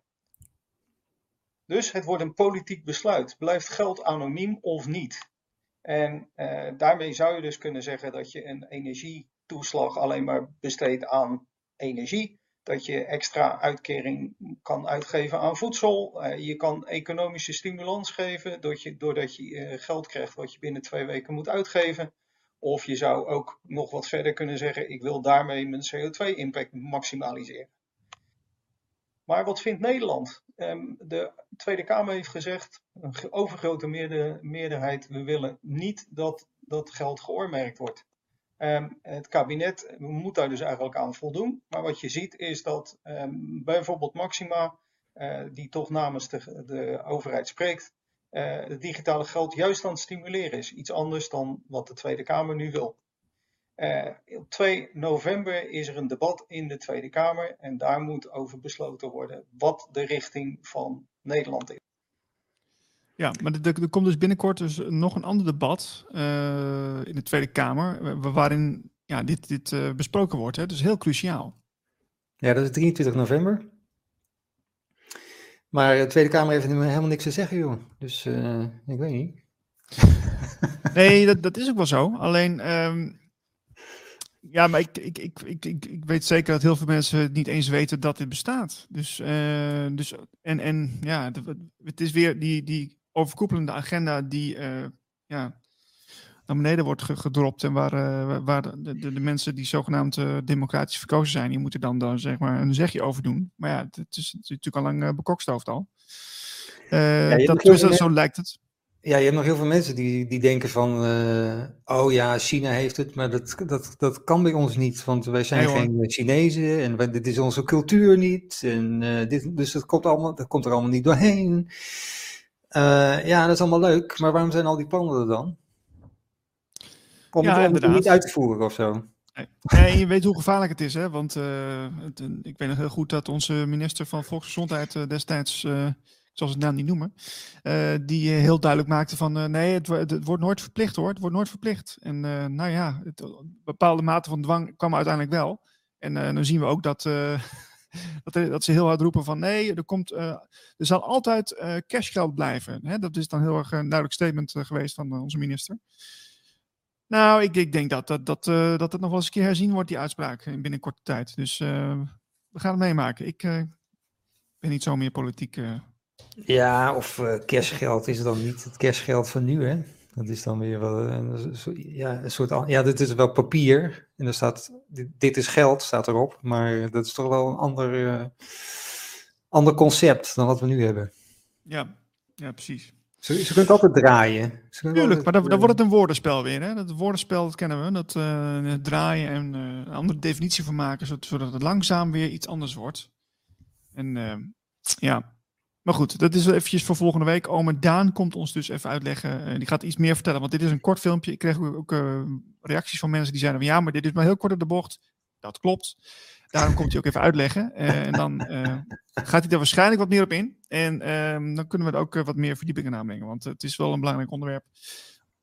en dat, ja, het is heel erg in de, de, materiële wereld, dat klopt. Maar ja, daar leven we ook nog steeds in, dus fair enough. Oké, dat was even mijn dingetje. Ja, nou ja, ze zeggen van, uh, dat we gewoon dan uh, gewoon nee moeten zeggen, hè? met heel veel van dit soort dingen. Gewoon, gewoon nee zeggen. En uh, dat wordt natuurlijk wel lastig op een gegeven moment, als je dit ja, moet als, gebruiken. Ja, als, als iedereen daarin meegaat, al, al heel veel elementaire zaken die, we, waar we, die we allemaal nodig hebben, denk aan energie, denk aan water of dat soort zaken, ja, dan, dan moet je dus, als je dat niet wil, dan moet je daar weer een andere oplossing voor vinden. En ja, dan, ik hoorde laatst ook iemand zeggen, ja, uh, als je terug gaat naar de geschiedenis, er zijn altijd wel uh, grote uh, veranderingen geweest, noem het een reset, en daar konden we gewoon niks aan doen. Het gebeurde maar gewoon, en je moet maar met de stroom mee. Dus je kunt wel boos zijn en tegen ingaan. Maar ja, laat het maar gewoon gebeuren. En ja, dan zeg ik van ja, maar je gaat je dus niet verzetten, je, je vindt het dan allemaal maar goed. Ja, ja, maar goed, we kunnen er toch niks aan doen. Ja, dat is, dat is, dat is dan weer een mentaliteit waar ik dan zelf persoonlijk helemaal niks mee kan. Want ja, kom op zeg je gaat toch niet, uh, dan laat je dat niet gebeuren. Je gaat er niet zomaar zeggen van, nou ja, dan, uh, want we kunnen toch niks doen. Wat vind jij? Nou ja, het alternatief is dat, dat, dat uh, ja, het alternatief is te eng.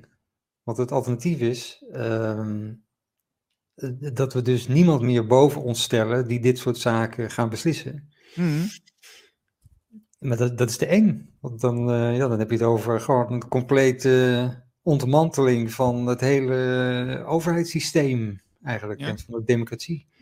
Ja, ja, dat, ja dat begint al bij, bij een uh, verplichte zorgverzekering. Dat is ook al een jaren uh, is dat ingevoerd. Hè? Dat uh, is ook al volgens mij door, door um,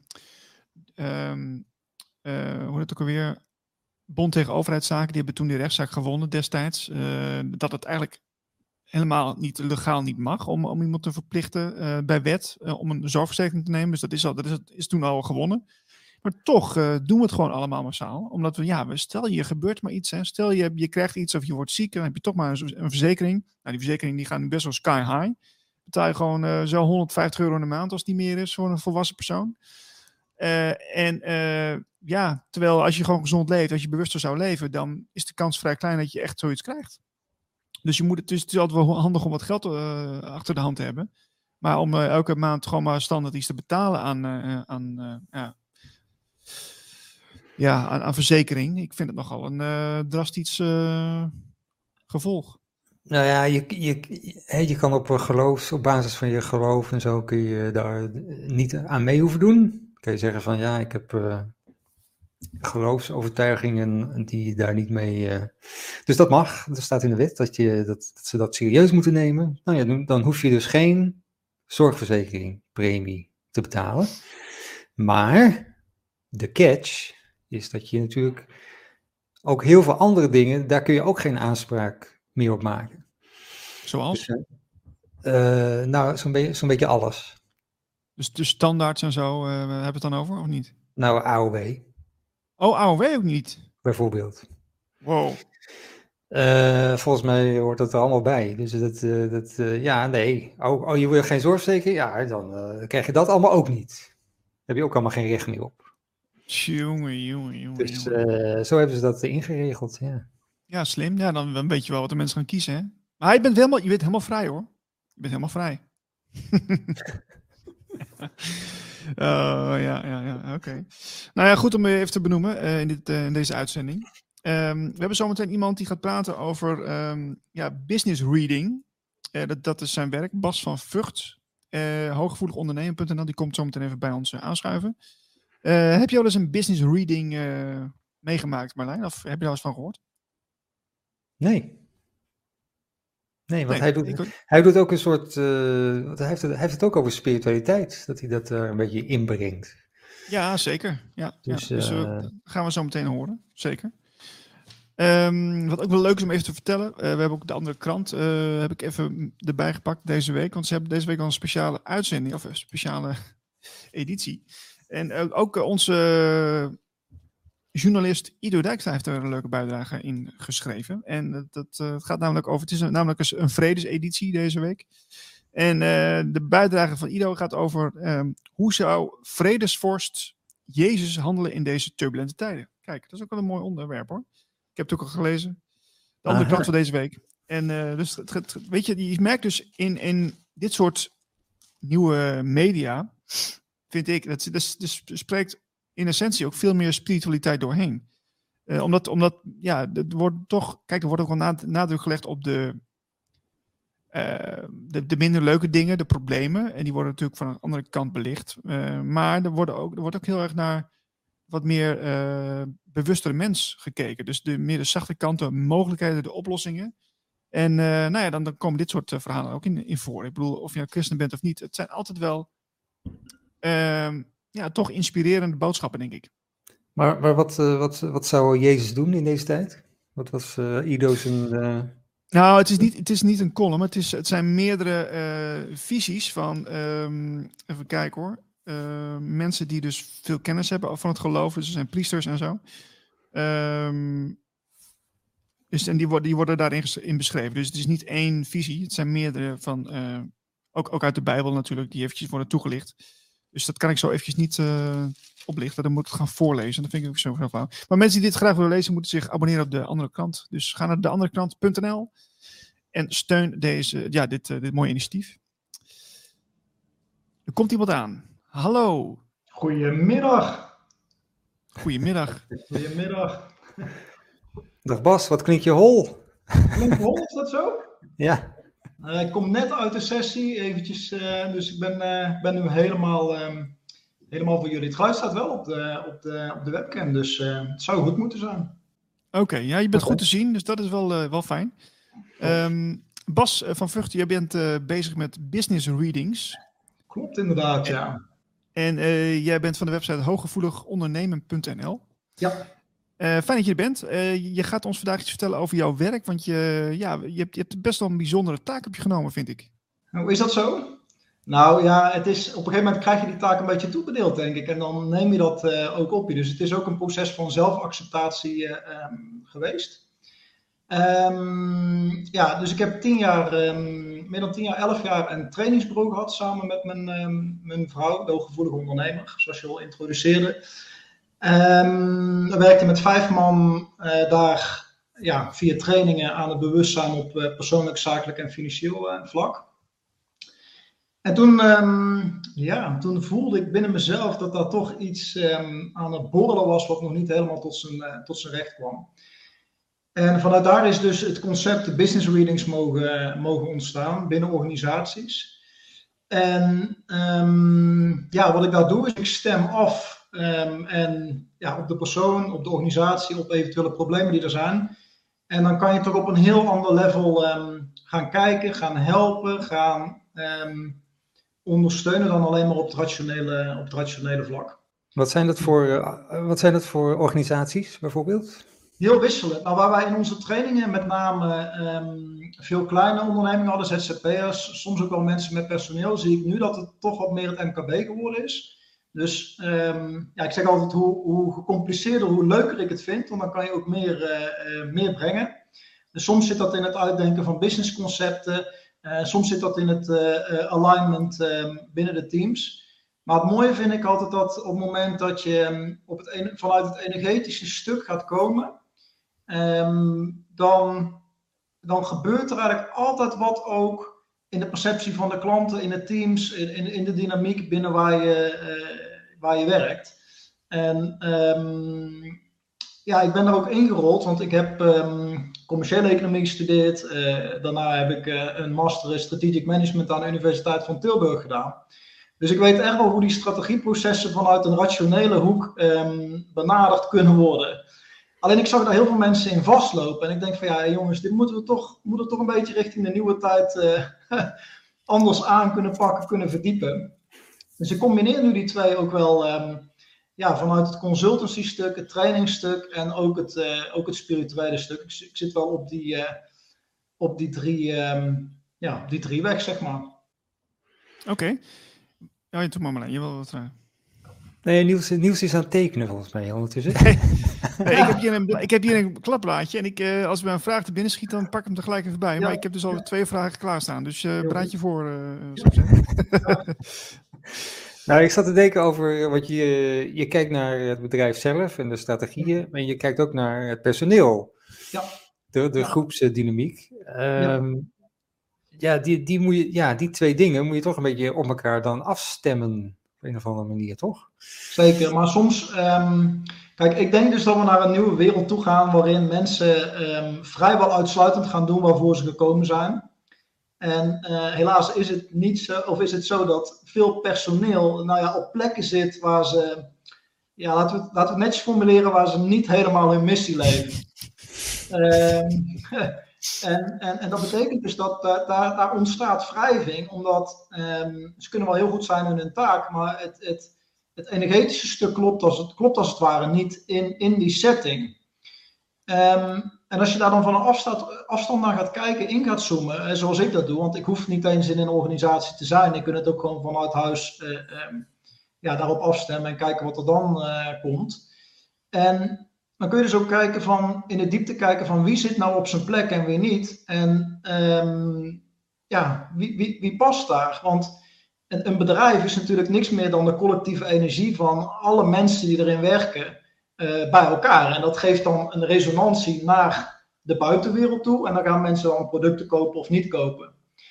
Um, en, en, het interessante daaraan is, is dat je dus ziet dat, dat steeds meer ondernemers zich ook bewust zijn dat het niet alleen maar gaat over de, de marketing naar buiten toe, maar dat het ook gaat over van hey, hoe wordt mijn perceptie van het bedrijf wat ik nu aan het leiden ben, of de managementfunctie die ik nu heb, hoe, hoe gaat het eigenlijk naar buiten toe als uh, er harmonie is? Maar hoe gaat het ook naar buiten toe als er juist geen, geen harmonie is en als er dus ja, mensen op de verkeerde plekken zitten? Ik, ik, toen ik net met de consultancy begon, dat is inmiddels 16, 17 jaar geleden, toen, toen, toen vroegen mensen mij wel eens van, ja, hoe kan je nou de juiste mensen aannemen? Ik zeg maar, die hele procedures rondom cv's, uh, um, al dat soort dingen. Volgens mij is het enorm achterhaald. ik denk dan van je zou alleen maar één vraag hoeven te stellen: van ja, is datgene wat je hier komt doen, is dat nou absoluut je levensmissie in het hier en nu? En dan zouden de, selectieprocedures er ook heel anders, ehm, heel anders uitzien, kan ik je vertellen.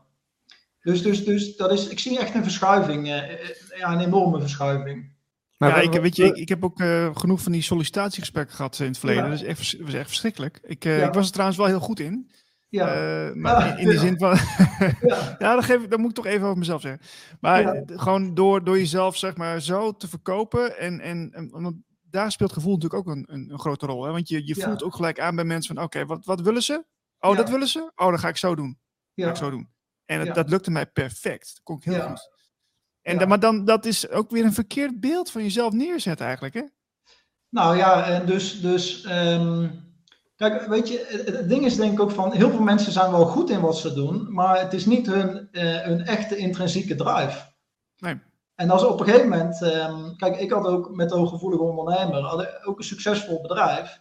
Ehm, en iets succesvols losmaken is vele malen moeilijker, of loslaten is vele malen moeilijker dan iets wat eigenlijk sowieso al niet lekker loopt eh, loslaten. Maar dat werd wel van mij gevraagd. Een, een, een leap of faith om ook ja, dichter bij mezelf te komen. En meer te gaan voelen van, ja, wat kom je nou precies hier doen? En, en ja, ik ben er dus achter gekomen op het moment dat je bereid bent om alles los te laten, dan hou je het juist vast. Hè? Zo, nog één keer, die ging heel snel. Die ging heel Op, snel. op het moment dat je, alles, dat je bereid bent om alles los te laten, dan hou je het juist vast. Dus, dus met andere woorden, als je echt gaat reflecteren en gaat, gaat, gaat voelen van datgene wat ik aan het doen ben, je durft dat echt ter discussie te zetten, maar dan ook echt van ga ik ermee door of ga ik ermee stoppen. En je durft dat, dat, dat, dat proces aan van past dit nog wel bij mij? En je bent bereid om daarin te verdiepen en eventueel los te laten, dan heb ik gemerkt in veel situaties hoef je het dan niet helemaal te laten gaan, maar kun je het net, net op een andere manier eh, weer nieuwe invulling geven, zodat het wel weer juist bij je missie past. Ah, zo ja. ja. Ja. Ja. Dus, dus, dus dat zijn de processen waarin ik ook de afgelopen ehm 2,5, 3 jaar eh, gezeten heb. En sinds een halfjaartje ben ik dus bezig met het geven van, ehm, van de business readings. Ja, en, en ga je dan ook eh, echt naar, naar, naar een team toe? En dan ga je dan, eh, als, als er een vergadering is, ga je dan even aansluiten of zo? Of hoe moet dat, hoe moet ik dat dan zien? Nou, het, het leuke is dus, ik ben er zelf ook nog volledig in aan het experimenteren. In die zin dat ik de mogelijkheden nog zelf nog niet helemaal ehm, eh, begrijp. En dat er ook voor mij telkens nieuwe mogelijkheden eh bijkomen. Maar het kan zijn dat, je naar een, of dat ik naar een team toe ga en gewoon eens niks zeggen en eens ga voelen van wat gebeurt hier nou eigenlijk allemaal precies in de dynamiek. Want er wordt vaak zoveel gezegd. Alleen als je tussen de regels door ehm, gaat voelen, gaat kijken, dan besef je dat dat uiteindelijk alleen de stilte echt spreekt. En ehm, dat daar de dynamiek, die laat zichzelf wel zien als je observeert en, en, en, en daar bent. Maar soms is het ook nodig om een ondernemer bijvoorbeeld echt even eruit te trekken. Dan komen ze bij mij en dan, eh, ja, het is nu weer eh, een beetje kachel weer. Dus dan, eh, steek ik lekker de kachel aan, dan gaan we lekker zitten en dan eh, gaan we eens kijken wat er allemaal komt. Dus, dus het heeft verschillende, ehm, verschillende mogelijkheden. Maar Ja, je, je, en- je doet het ook op afstand. Dus je, Ja. je, je, voel, je voelt hoe een, hoe een organisatie voelt. Ja. Ja, je kunt daar, ja, wat ik doe is meestal, ehm, voordat een gesprek eh, eh, plaatsvindt, dan ga ik in een soort van ja, diepe meditatie, noem ik het eigenlijk maar. En dan ehm, ja, stem ik af en kijk ik van, ehm, wat zijn de thema's die hier nu precies spelen. En dat kan heel divers eh, eh, zijn. En ehm, ja, ik denk dan altijd van, ik doe het eigenlijk niet. Hè? Ik, eh, ik ben alleen het doorgeefluik om, ehm, om daar mensen verder te helpen. Want wat ik wel zie is dat er is in het bedrijfsleven, er wordt natuurlijk in deze tijd heel veel nadruk gelegd op de persoonlijke transformatie van ons als mens, dieper gaan, meer missie leven, voor de wereld zorgen en al dat soort dingen.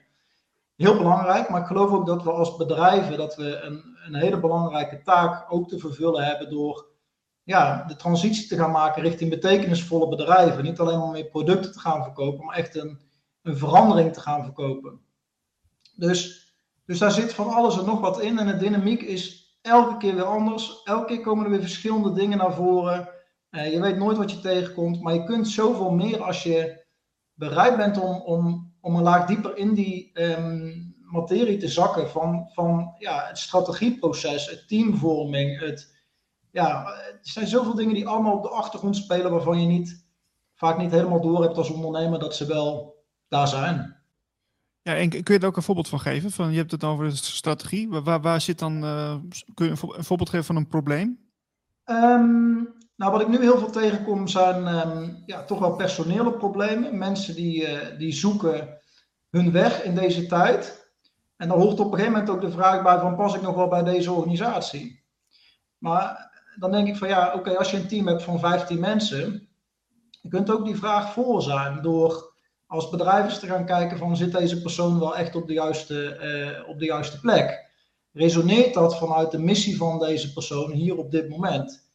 En ehm, je ziet dat, dat bijvoorbeeld als je een team van 15 mensen hebt en er zitten er twee niet op hun plek, dan zijn de andere 13 ook niet helemaal happy. Die, die draaien daar dan toch een beetje omheen en die voelen dat op een onbewust niveau, krijgen ze dat ook mee.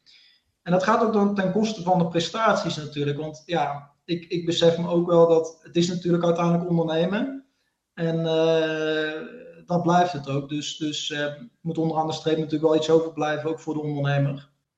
Is, is, is er nou een bedrijf, uh, van alle bedrijven die ik heb gehad, ja? die, die je compleet, die compleet het roer hebben omgegooid en totaal ja, niet, meer, niet meer herkenbaar zijn? Dat is altijd een beetje tricky om te zeggen natuurlijk, omdat je de privacy van je klanten ook um, ja, heel hoog in het vaandel hebt staan. Ik vind dat altijd heel belangrijk. Ik werk nu toch wel wat exclusiever op, uh, ja, op directieniveaus en dergelijke. En dan, ja, dus, dus daar kan ik eigenlijk niet zo heel veel over, over zeggen. Maar je ziet wel dat als de energie echt verandert, maar dan bedoel ik ook echt iemand, iemand die ziet het van, hey, zo kunnen we dat op een andere manier doen. Kijk, en vaak zijn we natuurlijk alleen maar hier, hè. we weten het, we denken dat we het weten. Maar voelen we het dan ook dat we het op die manier aan mogen pakken? Dat is ja, een hele andere, ander, ander level. Dus ja, ik snap die vraag, maar ja. Ja, en hoe, hoe ga je dan vervolgens te werk dan? Want jij je voelt dan, oké, okay, uh, die, bij die persoon uh, zit misschien een ander verlangen. Uh, ja. En, en, en, en communiceer het dan alleen met die persoon of ook met de rest? Of eigenlijk ben je een soort mediator of zo, lijkt het wel. Um, nou ja, dat is ook weer ook weer een beetje uh, ergens een beetje 3D denken, omdat je natuurlijk um, je wilt het beestje een naam geven. Daar ben ik nu ja, een, een, jaar goed een jaar mee bezig geweest. Van hoe ga ik het dan noemen? Ja. En uh, uh, hoe kom je dan ook binnen bedrijven binnen, zeg maar, die, um, die net op het punt staan om het ook wat meer energetisch aan te, aan te gaan vliegen. En toen heb ik ervoor gekozen om het business readings te noemen, omdat mensen daar toch wel op een bepaald niveau wel een, een um, een voorstelling van kunnen maken. Maar het is uiteindelijk ook uh, het ervaren. En soms merk je dat als je alleen met een ondernemer alleen werkt, um, dat je daar al, al, door die persoon dichter bij zichzelf te brengen en meer vanuit gevoel te laten doen, dat het team daaromheen ook alweer werkt. Dat het, dat het team anders gaat reageren op die ondernemer. Dat het team komt weer mee. Uh, je hoeft het allemaal niet meer zo, ja, zo schreeuwig en vanuit de mankracht bijvoorbeeld te doen. Maar het, het, het resoneert. En we zeggen ook natuurlijk wel vaak van, als, als je als ondernemer verandert, veranderen ook dingen met je mee. Hè? Dat is een spiritueel uh, concept, jullie wel bekend. En, en dat zie je dan ook gebeuren op zo'n moment. Dus, dus, dus er zit, zit heel veel diepgang in ja, met de diversiteit van de uitdagingen waar mensen bij me komen. Uh, de mogelijkheden, de oplossingen. Um, en dat is ook een van de redenen waarom ik dus het, het, het, het trainingsstuk van ons oude bedrijf heb, um, ja, heb losgelaten. Omdat ik, ja, ik besefte wel van in deze settings um, wordt het anders dan dat je voor 100 of 500 man een seminar geeft.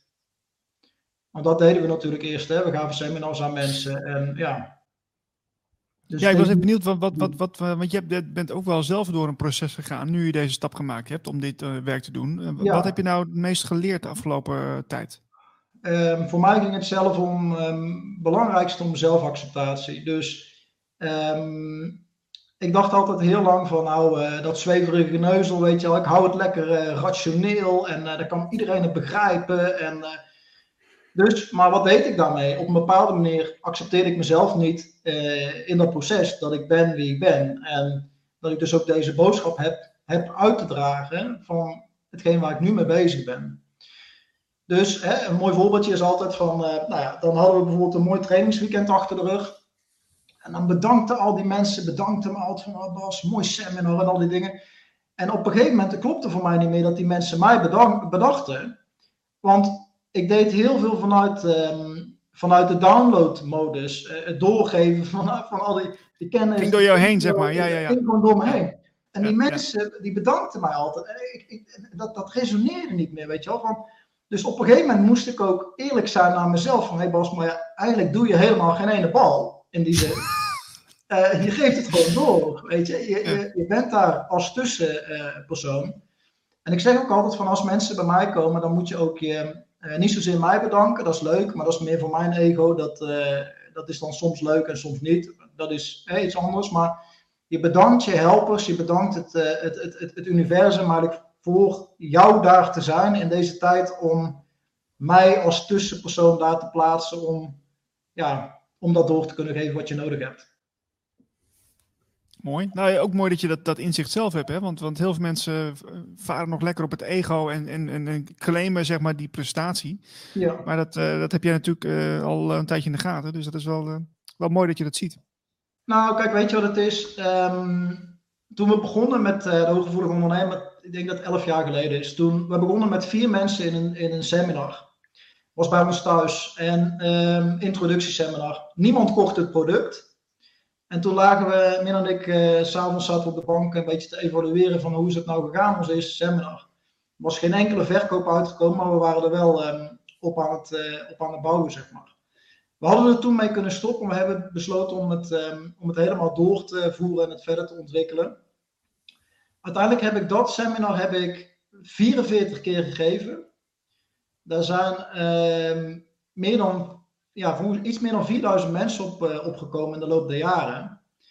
En ehm, ik heb dus hele succesvolle weekenden gehad, eh, hele slechte weekenden financieel gezien, in die zin alles gezien. Maar als je dan thuis komt, kom je weer eh, in dezelfde setting. Je komt bij je vrouw, je komt weet je wel, thuis, bij de oppas. En dat is elke keer hetzelfde. Dus op een gegeven moment leer je loslaten van wat nou eigenlijk precies succes is op het financiële vlak of op het, op het ego-vlak, zou, zou je bijna kunnen zeggen. Ja, want, want, wat, Ja. want je bent nu als business eh, reader eh, eh, natuurlijk Ja. bezig, maar wanneer, wanneer is het voor jou geslaagd? Nou, ik heb dus elf jaar gedacht dat ik volkomen mijn missie leefde. Dus dat is, dat is ergens ook weer de illusie van dienstbaarheid. Dat je, dat je volkomen denkt dat je het helemaal hebt. Dus ik, ik, ik, ik, ik denk dat ik het nu ook weer helemaal heb, maar ik durf er niet zeker van te zijn meer. Eh, heel herkenbaar hoor. Ja. Ja. Dus, dus het is wel eh, met, ehm, ik denk van, eh, ook misschien als mensen nu zitten te luisteren en ze denken van, ja, weet je, ik weet daar gewoon echt totaal niet wat nou mijn missie is hier in het leven. Nou ja, wees gerust. Eh, ook ik heb die momenten gehad afgelopen tijd. Eh, eh, en of je nou jong bent of oud bent, die momenten horen er echt bij dat je het echt totaal niet meer weet. Ook Ja, ik zeg ook wel eens tegen, Berlijn. Ik zeg tegen Berlijn wel eens van, ja, weet je, we doen nou Radio Gletscher, we maken die uitzendingen, vinden we belangrijk, maar Ja. ja, hoe het over een jaar of misschien over twee jaar uitziet, weet ik niet. Misschien komt er wel weer iets op mijn pad of op Merlijn's pad dat we zeggen, ja, we, we, we gaan iets anders doen. Ja, Super fascinerend is dat. En ehm, ik, ik, kijk, ehm, ik heb maar gezegd van, nou ja, wat moet gebeuren, laat maar gebeuren dan of zo. En nu zit ik dan hier en ja, zo zijn er allerlei dingen die nu zich manifesteren. En het mooie is waarvan ik voel echt een enorme diepe dankbaarheid voor, voor alles wat, ja, echt voor alles wat er nu is. zo, dat is, dat is wel heel veel. Ja, ja, dat is, ja, ja, bijzonder is dat wel. Echt, ja, dat is een gevoel wat ik ja, nog niet zo vaak ervaren heb. En hoe, hoe ervaar je deze tijd eh, eigenlijk? Ehm, als een tijd van ehm herijken, herontdekken, eh, weer extra met jezelf verbinden. Ja, dat. Ja, echt. En voor heel grote groepen mensen merk ik ook eh, ja, spiritueel ontwaken. Ja. Ja. Tof. Ja. Ehm, heb, je- wat, maar doe jij ook nog steeds seminars of is het echt puur alleen eh, de coaching? Ik doe geen, eh, geen seminars meer, alleen de business readings. Ja, ja. Dus ik heb die nu in de, in de ochtenden heb ik mijn eh, business readings en in de middag ja, ben ik met van alles en nog wat bezig, behalve met, met werken meestal. Oh, vertel eens. Nou, mediteren, de energie weer, weer, door, weer door laten stromen. Nou ja, alles. Kijk, weet je het is? Als je op een gegeven moment in het energetische stuk zit, dan is het niet alleen eh, de sessie zelf. En dat vergeten mensen nog wel eens van ehm, dat het lijkt alsof je hebt een drie uur sessie bijvoorbeeld. Maar daarvoor gebeurt er al van alles en daarna gebeurt er ook al van alles.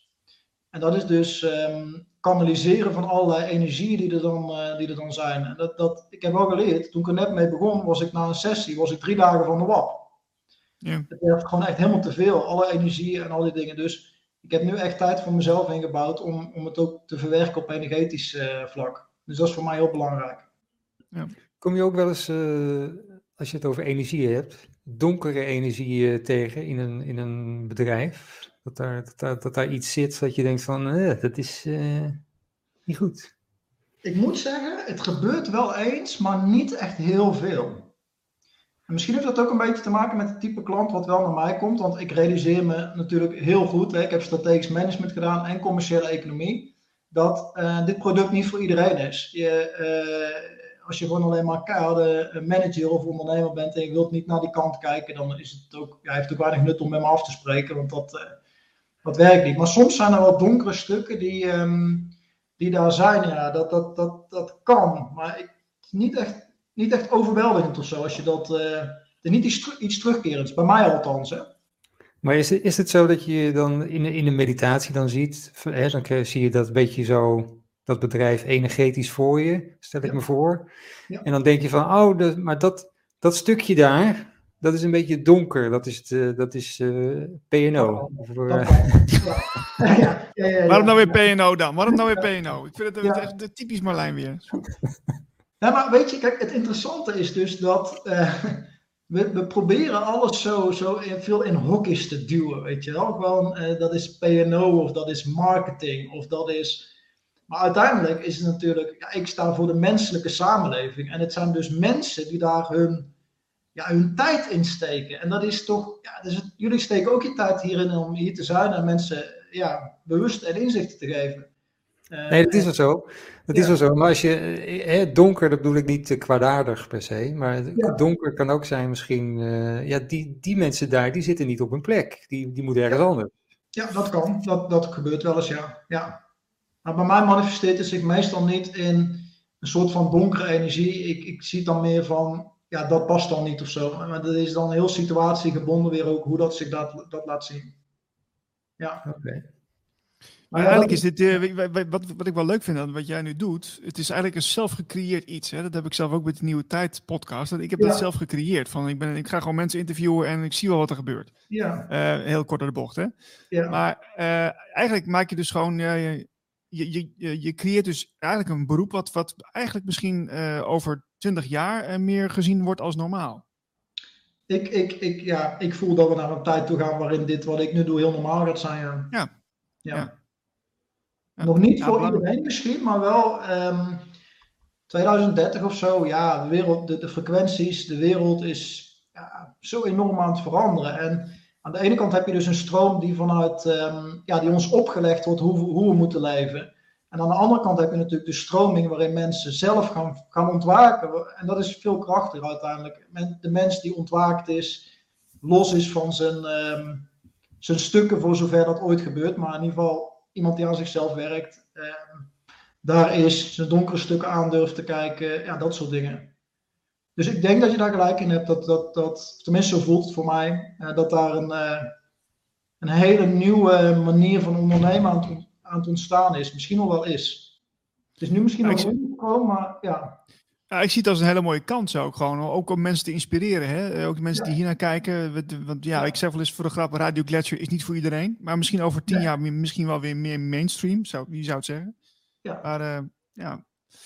Ja, en dat, dat, ik had dat natuurlijk ook... Um, uh, nou, er was, waren periodes in mijn leven dat ik helemaal vast zat. Uh, ook begin twintig en zo. Want ja, ik had net mijn... Um, uh, mijn stage gedaan en ik dacht van nou dat wordt mijn leven weet je wel. Gewoon elke dag in de file staan, uh, naar een kantoor toe en dan daar uh, zitten en je ding doen en dan weer in de file terug naar huis. Dus ik had dat op mijn stage had ik dat ervaren en ik denk jongens dit, dit, ja, dit, dit, ik, ik kan dit gewoon, ja ik, ik, ik, kan het misschien wel vanuit wilskracht, maar het past echt totaal niet bij mij. En um, toen, toen, ik voelde op een gegeven moment in één keer van, hé hey, weet je, dat spirituele stuk en uh, dat sensitieve stuk en ook het ondernemerschap bij elkaar.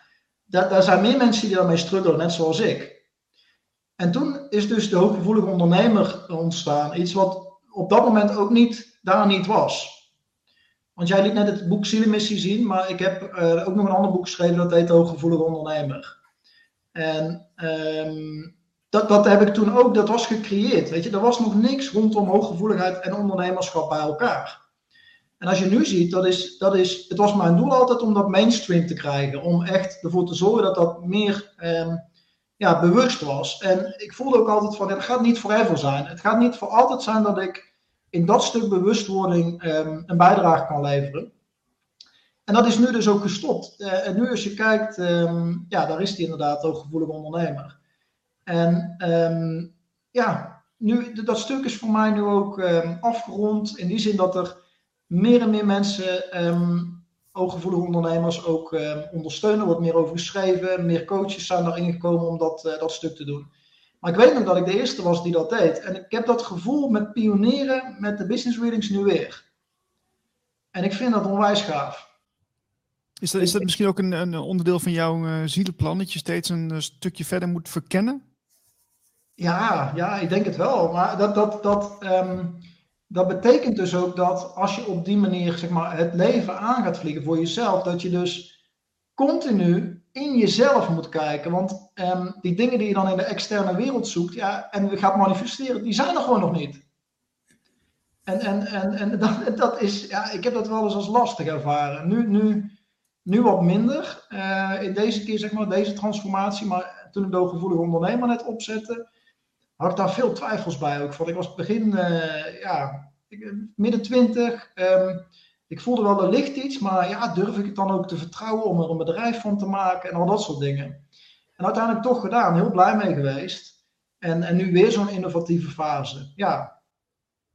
En ik nou, dat, dat belooft nog wat voor de toekomst, uh, Bas. Wat zeg je? Dat belooft nog wat voor de toekomst. Ik, ik, ik, ik weet niet. Het zou kunnen, maar um, ja, who knows? Echt niet. Ja, heb je, heb je ervaring met uh, spirituele ja, ervaringen of misschien plantmedicijnen? Of, uh... Nou, ik heb um, gisteren nog, uh, voor het eerst heb ik gisteren in een zweethut gezeten. En dat was ook echt, ja, ook weer next level voor mij. Dus ik, ik, ik was in een mannenretreat in, in Drenthe.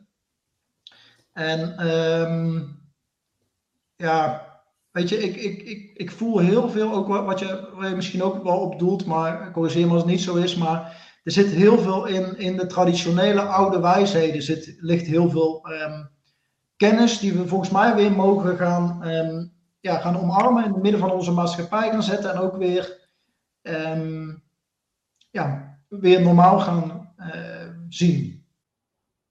Dus dit is kun, heel kun, kun je een voorbeeld geven daarvan, van die oude kennis? Nou ja, bijvoorbeeld de kennis die bij de Indianen zit over hoe je met elkaar omgaat. Uh, um, ik, ik, ben in totaal bijvoorbeeld een half jaar uh, bij de Benedictijnen geweest. Hè, voor de mensen die niet weten, Benedictijn is een, ja, is een, een orde, een, een broederorde. Leven volgens de regels van de heilige Franciscus. En, um, of um, ja, leven volgens de regels. En het interessante is dus dat, ja, ik ben daar geweest en ja, er zijn van alles en nog wat is daar te ontdekken voor jezelf. En dat is het mooie van wat er allemaal, uh, ja, wat er nu allemaal is. Wat, wat gebeurde er in de zweethut? Um, nou ja, we zaten met tien andere mannen en ieder gaat op zijn eigen manier weer heel erg uh, diep um, erin. Het is een, je zit er anderhalf, twee uur zaten we erin, denk ik, qua tijd. Maar um, ja, dat is magisch. Je laat het, laat het bewustzijnsniveau op een bepaalde manier achter, buiten de hut. Het, het denkniveau, altijd maar denken, denken, denken. En dan ga je dus in zo'n ceremoniële setting en dan ja, gaat, zie je al die mannen om je heen, zie je meer in, in spirituele zakken. Dus dat had ik ook weer een aantal ervaringen die nieuw waren voor me, waar ik um, ja, wel dankbaar voor ben dat ik ze um, mocht hebben. Ja. Is, is dat met muziek ook, uh, is dat shamaans-achtig, uh, met, met trommelen, of is dat... Uh... Wat ik zeg, er ging voor mij ook weer een wereld open. Ik was voor mij de eerste keer dat ik het, ehm, dat ik het ervaren heb. Ik ga denk ik nog wel meer doen, want het, ehm, ik had het gevoel dat het niet de eerste keer was, hoewel ik wel de eerste keer was. Dus soms heb je dat, hè, dat je ergens bent en dat je denkt, nou, jongens, leuk hè, dat ik weer terug ben hier, maar je bent nog nooit geweest, zeg maar. Dus dat Ja. gevoel had ik, een, had ik eh, dat gevoel. Maar eh, dit, deze was met, ehm, met af en toe trom, trom eh, ja, getrommel, gezang, eh, van alles en nog wat. Echt een ceremonie. Maar ieder gaat, wat ik zei, ieder gaat dan op zijn eigen manier weer diep. Ehm, dus ja, weet je, de andere kant is ook hiervan, ehm, het is altijd wel goed om het over te hebben, maar ik wil het ook voor mijn klanten altijd wel zo down to earth mogelijk houden met wat ik doe. Omdat ik in die zin ook een, nou ja, misschien ben ik wel een beetje een Brabantse boer wat dat betreft. Want ik hou van praktisch en toepasbaar en eh, dat is voor mij altijd heel belangrijk geweest. Dus ik onderzoek die kant van mezelf voortdurend, maar voor mijn klanten wil ik het heel tastbaar maken om echt direct problemen aan te pakken. Dat is wel, ik wil niet in het zweverige stuk eh, zitten en dat, dat, dat doe ik ook niet. Nee, maar je moet dus eigenlijk iedere keer weer levelen met wie je samenwerkt. En eh, Ja. dan is het ook denk ik goed dat je de, de, direct al de juiste vragen stelt. Van met wie heb ik te maken? Zodat je je, je, je plan daar beter op kunt eh, aanpassen. Juist. Mooi zeg. Een ZZP, is heel, een ZZP'er is heel anders dan iemand met 200 man personeel. En dus die cases, eh, die, die verschillen altijd enorm. Soms is er ook nog familie in het spel. Je hebt in Nederland natuurlijk een hele st- sterke ehm, bedrijfssector die van familie op familie doorgegeven wordt. Familiebedrijven. Eh, daar komt nog een extra dimensie om hoek kijken. Dat is het familiaire stuk eh, binnen het bedrijf. Ehm, ja, ik, ik, hoe complexer ehm, het is, hoe leuker ik het vind. Omdat je dan, eh, ja, rationeel komen mensen er dan echt niet meer uit. Je kunt het allemaal bedenken, maar eh, ja. Je bent nou met, met, met, met, met bedrijven bezig, maar is de, zou, zouden scholen ook niet iets voor je zijn? We hebben net eh, Free Spirits Community gehad. Eh, Ja. Dat je misschien een beetje over dat soort plekken of, of, of scholengemeenschappen eens een keer gaat doen. Nou, ik heb ehm, ehm, heel lang over, ik heb heel lang gedacht dat mijn volgende stap zou zijn om iets in het schoolsysteem ehm, te doen. En uiteindelijk ben ik nu dan met dit bezig, maar ik voel dat daar ehm, wel, ja, misschien ligt daar voor de toekomst nog wel, eh, nog wel iets. En ik moet heel eerlijk zeggen, in de coronatijd hebben mevrouw en ik ook echt nagedacht over van willen we nog met onze kinderen in dit schoolsysteem eh, eh, nog zijn. Ehm, en dat staat, dat is nog steeds iets wat in mijn achterhoofd speelt. Van ja, wat leren onze kinderen nou eigenlijk over het leven? Los van het, ja, het schrijven, het lezen, weet je wel, die basisvaardigheden die heel belangrijk zijn. Maar wat leer je nou bijvoorbeeld over je eigen missie leven? Eh, ehm, ja, dat soort Niet stukken. zoveel. Niet zoveel. En dan, Niet zoveel, Dan denk, dan denk ik altijd, maar bij ons krijgen ze dat dan onze kinderen krijgen dat in ieder geval dan toch nog wel mee, denk ik, ergens van ons. Ik toch wel gesprekjes heb met ze natuurlijk, maar ehm, ja, eh, we proberen het voor te leven, zeg maar, dat stuk, en niet te veel over te hebben. Ik denk dat Ja. kinderen veel meer kijken naar wat, eh, ja, wat hun peer group, zeg maar, doet, in plaats van wat ze zeggen. Ja. Ja, maar ik, hoe ik, ik, ja, daar ligt nog wel iets. Ik, ik, ik voel hem ook, ja. Ja, dankjewel. En, eh, en Bas, hoe kunnen mensen jou, eh, jou volgen? Heb jij een, eh, je hebt natuurlijk wel een website, maar heb je ook social media misschien? Je kunt, ik doe ehm, een aantal keer per week doe ik updates via, ehm, via Facebook. Doe veel, veel via LinkedIn. Als je gewoon even zoekt op Bas van Vught, dan kun je me, kun je me zeker vinden. En de website is eh basvanvught.nl. Ehm, dus dat. Leuk. Nou, ik, Ja. ik vond het eh, super tof dat je even bij ons in de uitzending was. En eh, een hele mooie verdieping voor, ons, voor onze zender. Want ja, hooggevoelig, hooggevoeligheid, dat hebben wij zelf ook hoog in het vaandel. Dus Ja. fijn dat we dat even konden, konden bespreken met jou. Ja, en ook eh, misschien nog een laatste woord daarin van ehm, eh, naar de luisteraars, de kijkers, meer wat ik gemerkt heb is meer van wat je niet wilt accepteren. Als je daar in dat stuk durft te duiken, daar, daar liggen je stukken waar je echt waardevol kunt zijn voor jezelf, maar ook naar, naar de maatschappij toe. Ik, ik, ik wilde helemaal niet in dat stuk duiken van die business readings. Ik denk, nou, waarom dan nou? Laat lekker iemand anders dat doen. Dat was mijn stuk wat ik weghield. En probeer je een beetje te confirmeren. Maar als je echt gaat richting die stukken die, die daar wel zijn, maar die je van een beetje denkt van nou, vandaag even niet. Dat zijn de stukken waar het vaak in, eh, in ligt. Mooi gezegd. Oké. Eh, Bas, dank voor je tijd. En uh, Dank. wij, wij blijven je volgen bij Radio Gletscher. En uh, wie weet, tot een volgende keer. Dankjewel. Doei. Oké, okay, bye bye. Doei. Dat was Bas van Vught, onze tweede gast uh, van vandaag. Onze derde gast. Ja, oh ja, derde, officieel. Derde. Hooggevoelig ondernemer. Ja, dat is leuk, hè? Ja, ik vind het wel, uh, wel knap wat hij doet. Dus uh, echt uh, zijn eigen missie leven. En, en ook een universitair geschoold iemand die dat gewoon doet. Dat is ook wel een mooie ontwikkeling. Nou, ik vind het mooi dat daar ook animo voor is. Dat mensen dat ook, dat hem, ja. hem ook inhuren. Die bedrijven zijn er dus wel, inderdaad. Dus dat is ook weer een mooie, mooie verandering. Want dat, ja, inderdaad, het zit al heel snel in de zweefhoek. Van ja, wat, wat is dat dan energetisch? En ja, als we maar gewoon allemaal aan het werk gaan, dan, uh, dan komt het toch allemaal wel goed. Of, of wat je ook wel vaak ziet, dat, dat heb ik ook een aantal keer meegemaakt in, uh, toen ik nog ergens werkte. Klinkt zo raar. toen ik nog ergens werkte. Maar toen ik, dan heb je, je hebt dan zo'n zo'n zo'n systeem en dan werken ze vanuit kleuren, weet je wel. Dan, dan heb je iemand die is meer blauw, eentje is meer groen, eentje is meer rood. Dat staat dan voor jouw karakter. Ja. Ik was natuurlijk, ik was best wel groen groen en blauw. beetje, de, beetje de bemiddelaar, de, de, de, de, beetje de, degene die, uh, beetje de sociale, het sociale type, een beetje, ja, een beetje. Nou ja, maar dat, daar word je dus alweer in een hokje gedrukt. En dat is wat hij dat doet. Hij, hij, hij, hij doorbreekt dat weer. Hij zegt van nee, je moet meer gaan voelen. En uh, ja, dat, dat vind ik heel mooi dat dat, dat nu gebeurt. Dat we de nieuwe tijd voorleven. En, uh, nou, het, is heel, ja. het is heel mooi dat mensen met, met zo'n bedrijf, dat die er dan met hun hoofd niet meer uitkomen. Dat is heel mooi. Want dan, mm. Ja, er is nog een weg. De gevoelsweg is er. Dus we worden toch een soort van uh, gedwongen om daar uh, ja, toch, toch uh, naar te kijken. Toch met spiritualiteit bezig te gaan. Als, als laatste redmiddel dan maar.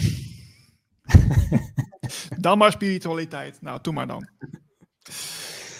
Ja, zo, ja, zo moet het blijkbaar. Ja, nee, inderdaad. Maar goed, is natuurlijk met uh, heel veel zaken zo in deze wereld. Hè? Waar, waar, datgene waar we niet naar willen kijken, daar heb je de meeste winst. Als je, hè? Als je waarvan bewust bent. Um, gaan wij afsluiten zometeen? Sluit de boel maar af. Volgende week zijn we weer met een nieuwe editie van Lunching en Van Dobben. Uh, meld je even aan bij onze nieuwsbrief. Die hebben we ook. Een hele leuke nieuwsbrief met allerlei leuke weetjes. Krijg je wekelijks toegestuurd. Uh, heb je zelf tips voor ons? Uh, stuur ons even een mailtje naar info.radioglacier.nl En um, elke zondag komt deze uitzending live, of in ieder geval online te staan op ons YouTube-kanaal. En ook op Spotify, Rumble. Waar zitten we nog meer op? iTunes tegenwoordig. We zitten overal. Krijg, knik, krijg knikje. We zitten overal. En uh, volg ons op Twitter, Facebook en um, alle andere social media die op onze website staan. Radioglacier.nl, hoger bewustzijn, diepere radio. Tot volgende week. Doei.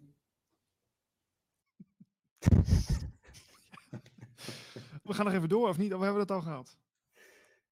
Nee, nu, nu moeten we even door. als, als alles al gezegd is, mag ik nog wel wat zeggen. Dat is vaak zo, hè? Nou, nou zeg nog maar eens wat dan. Uh... Hoe, vond je, hoe vond je het gaan eigenlijk? Ik vond het wel een leuke uitzending. Verrassend leuk.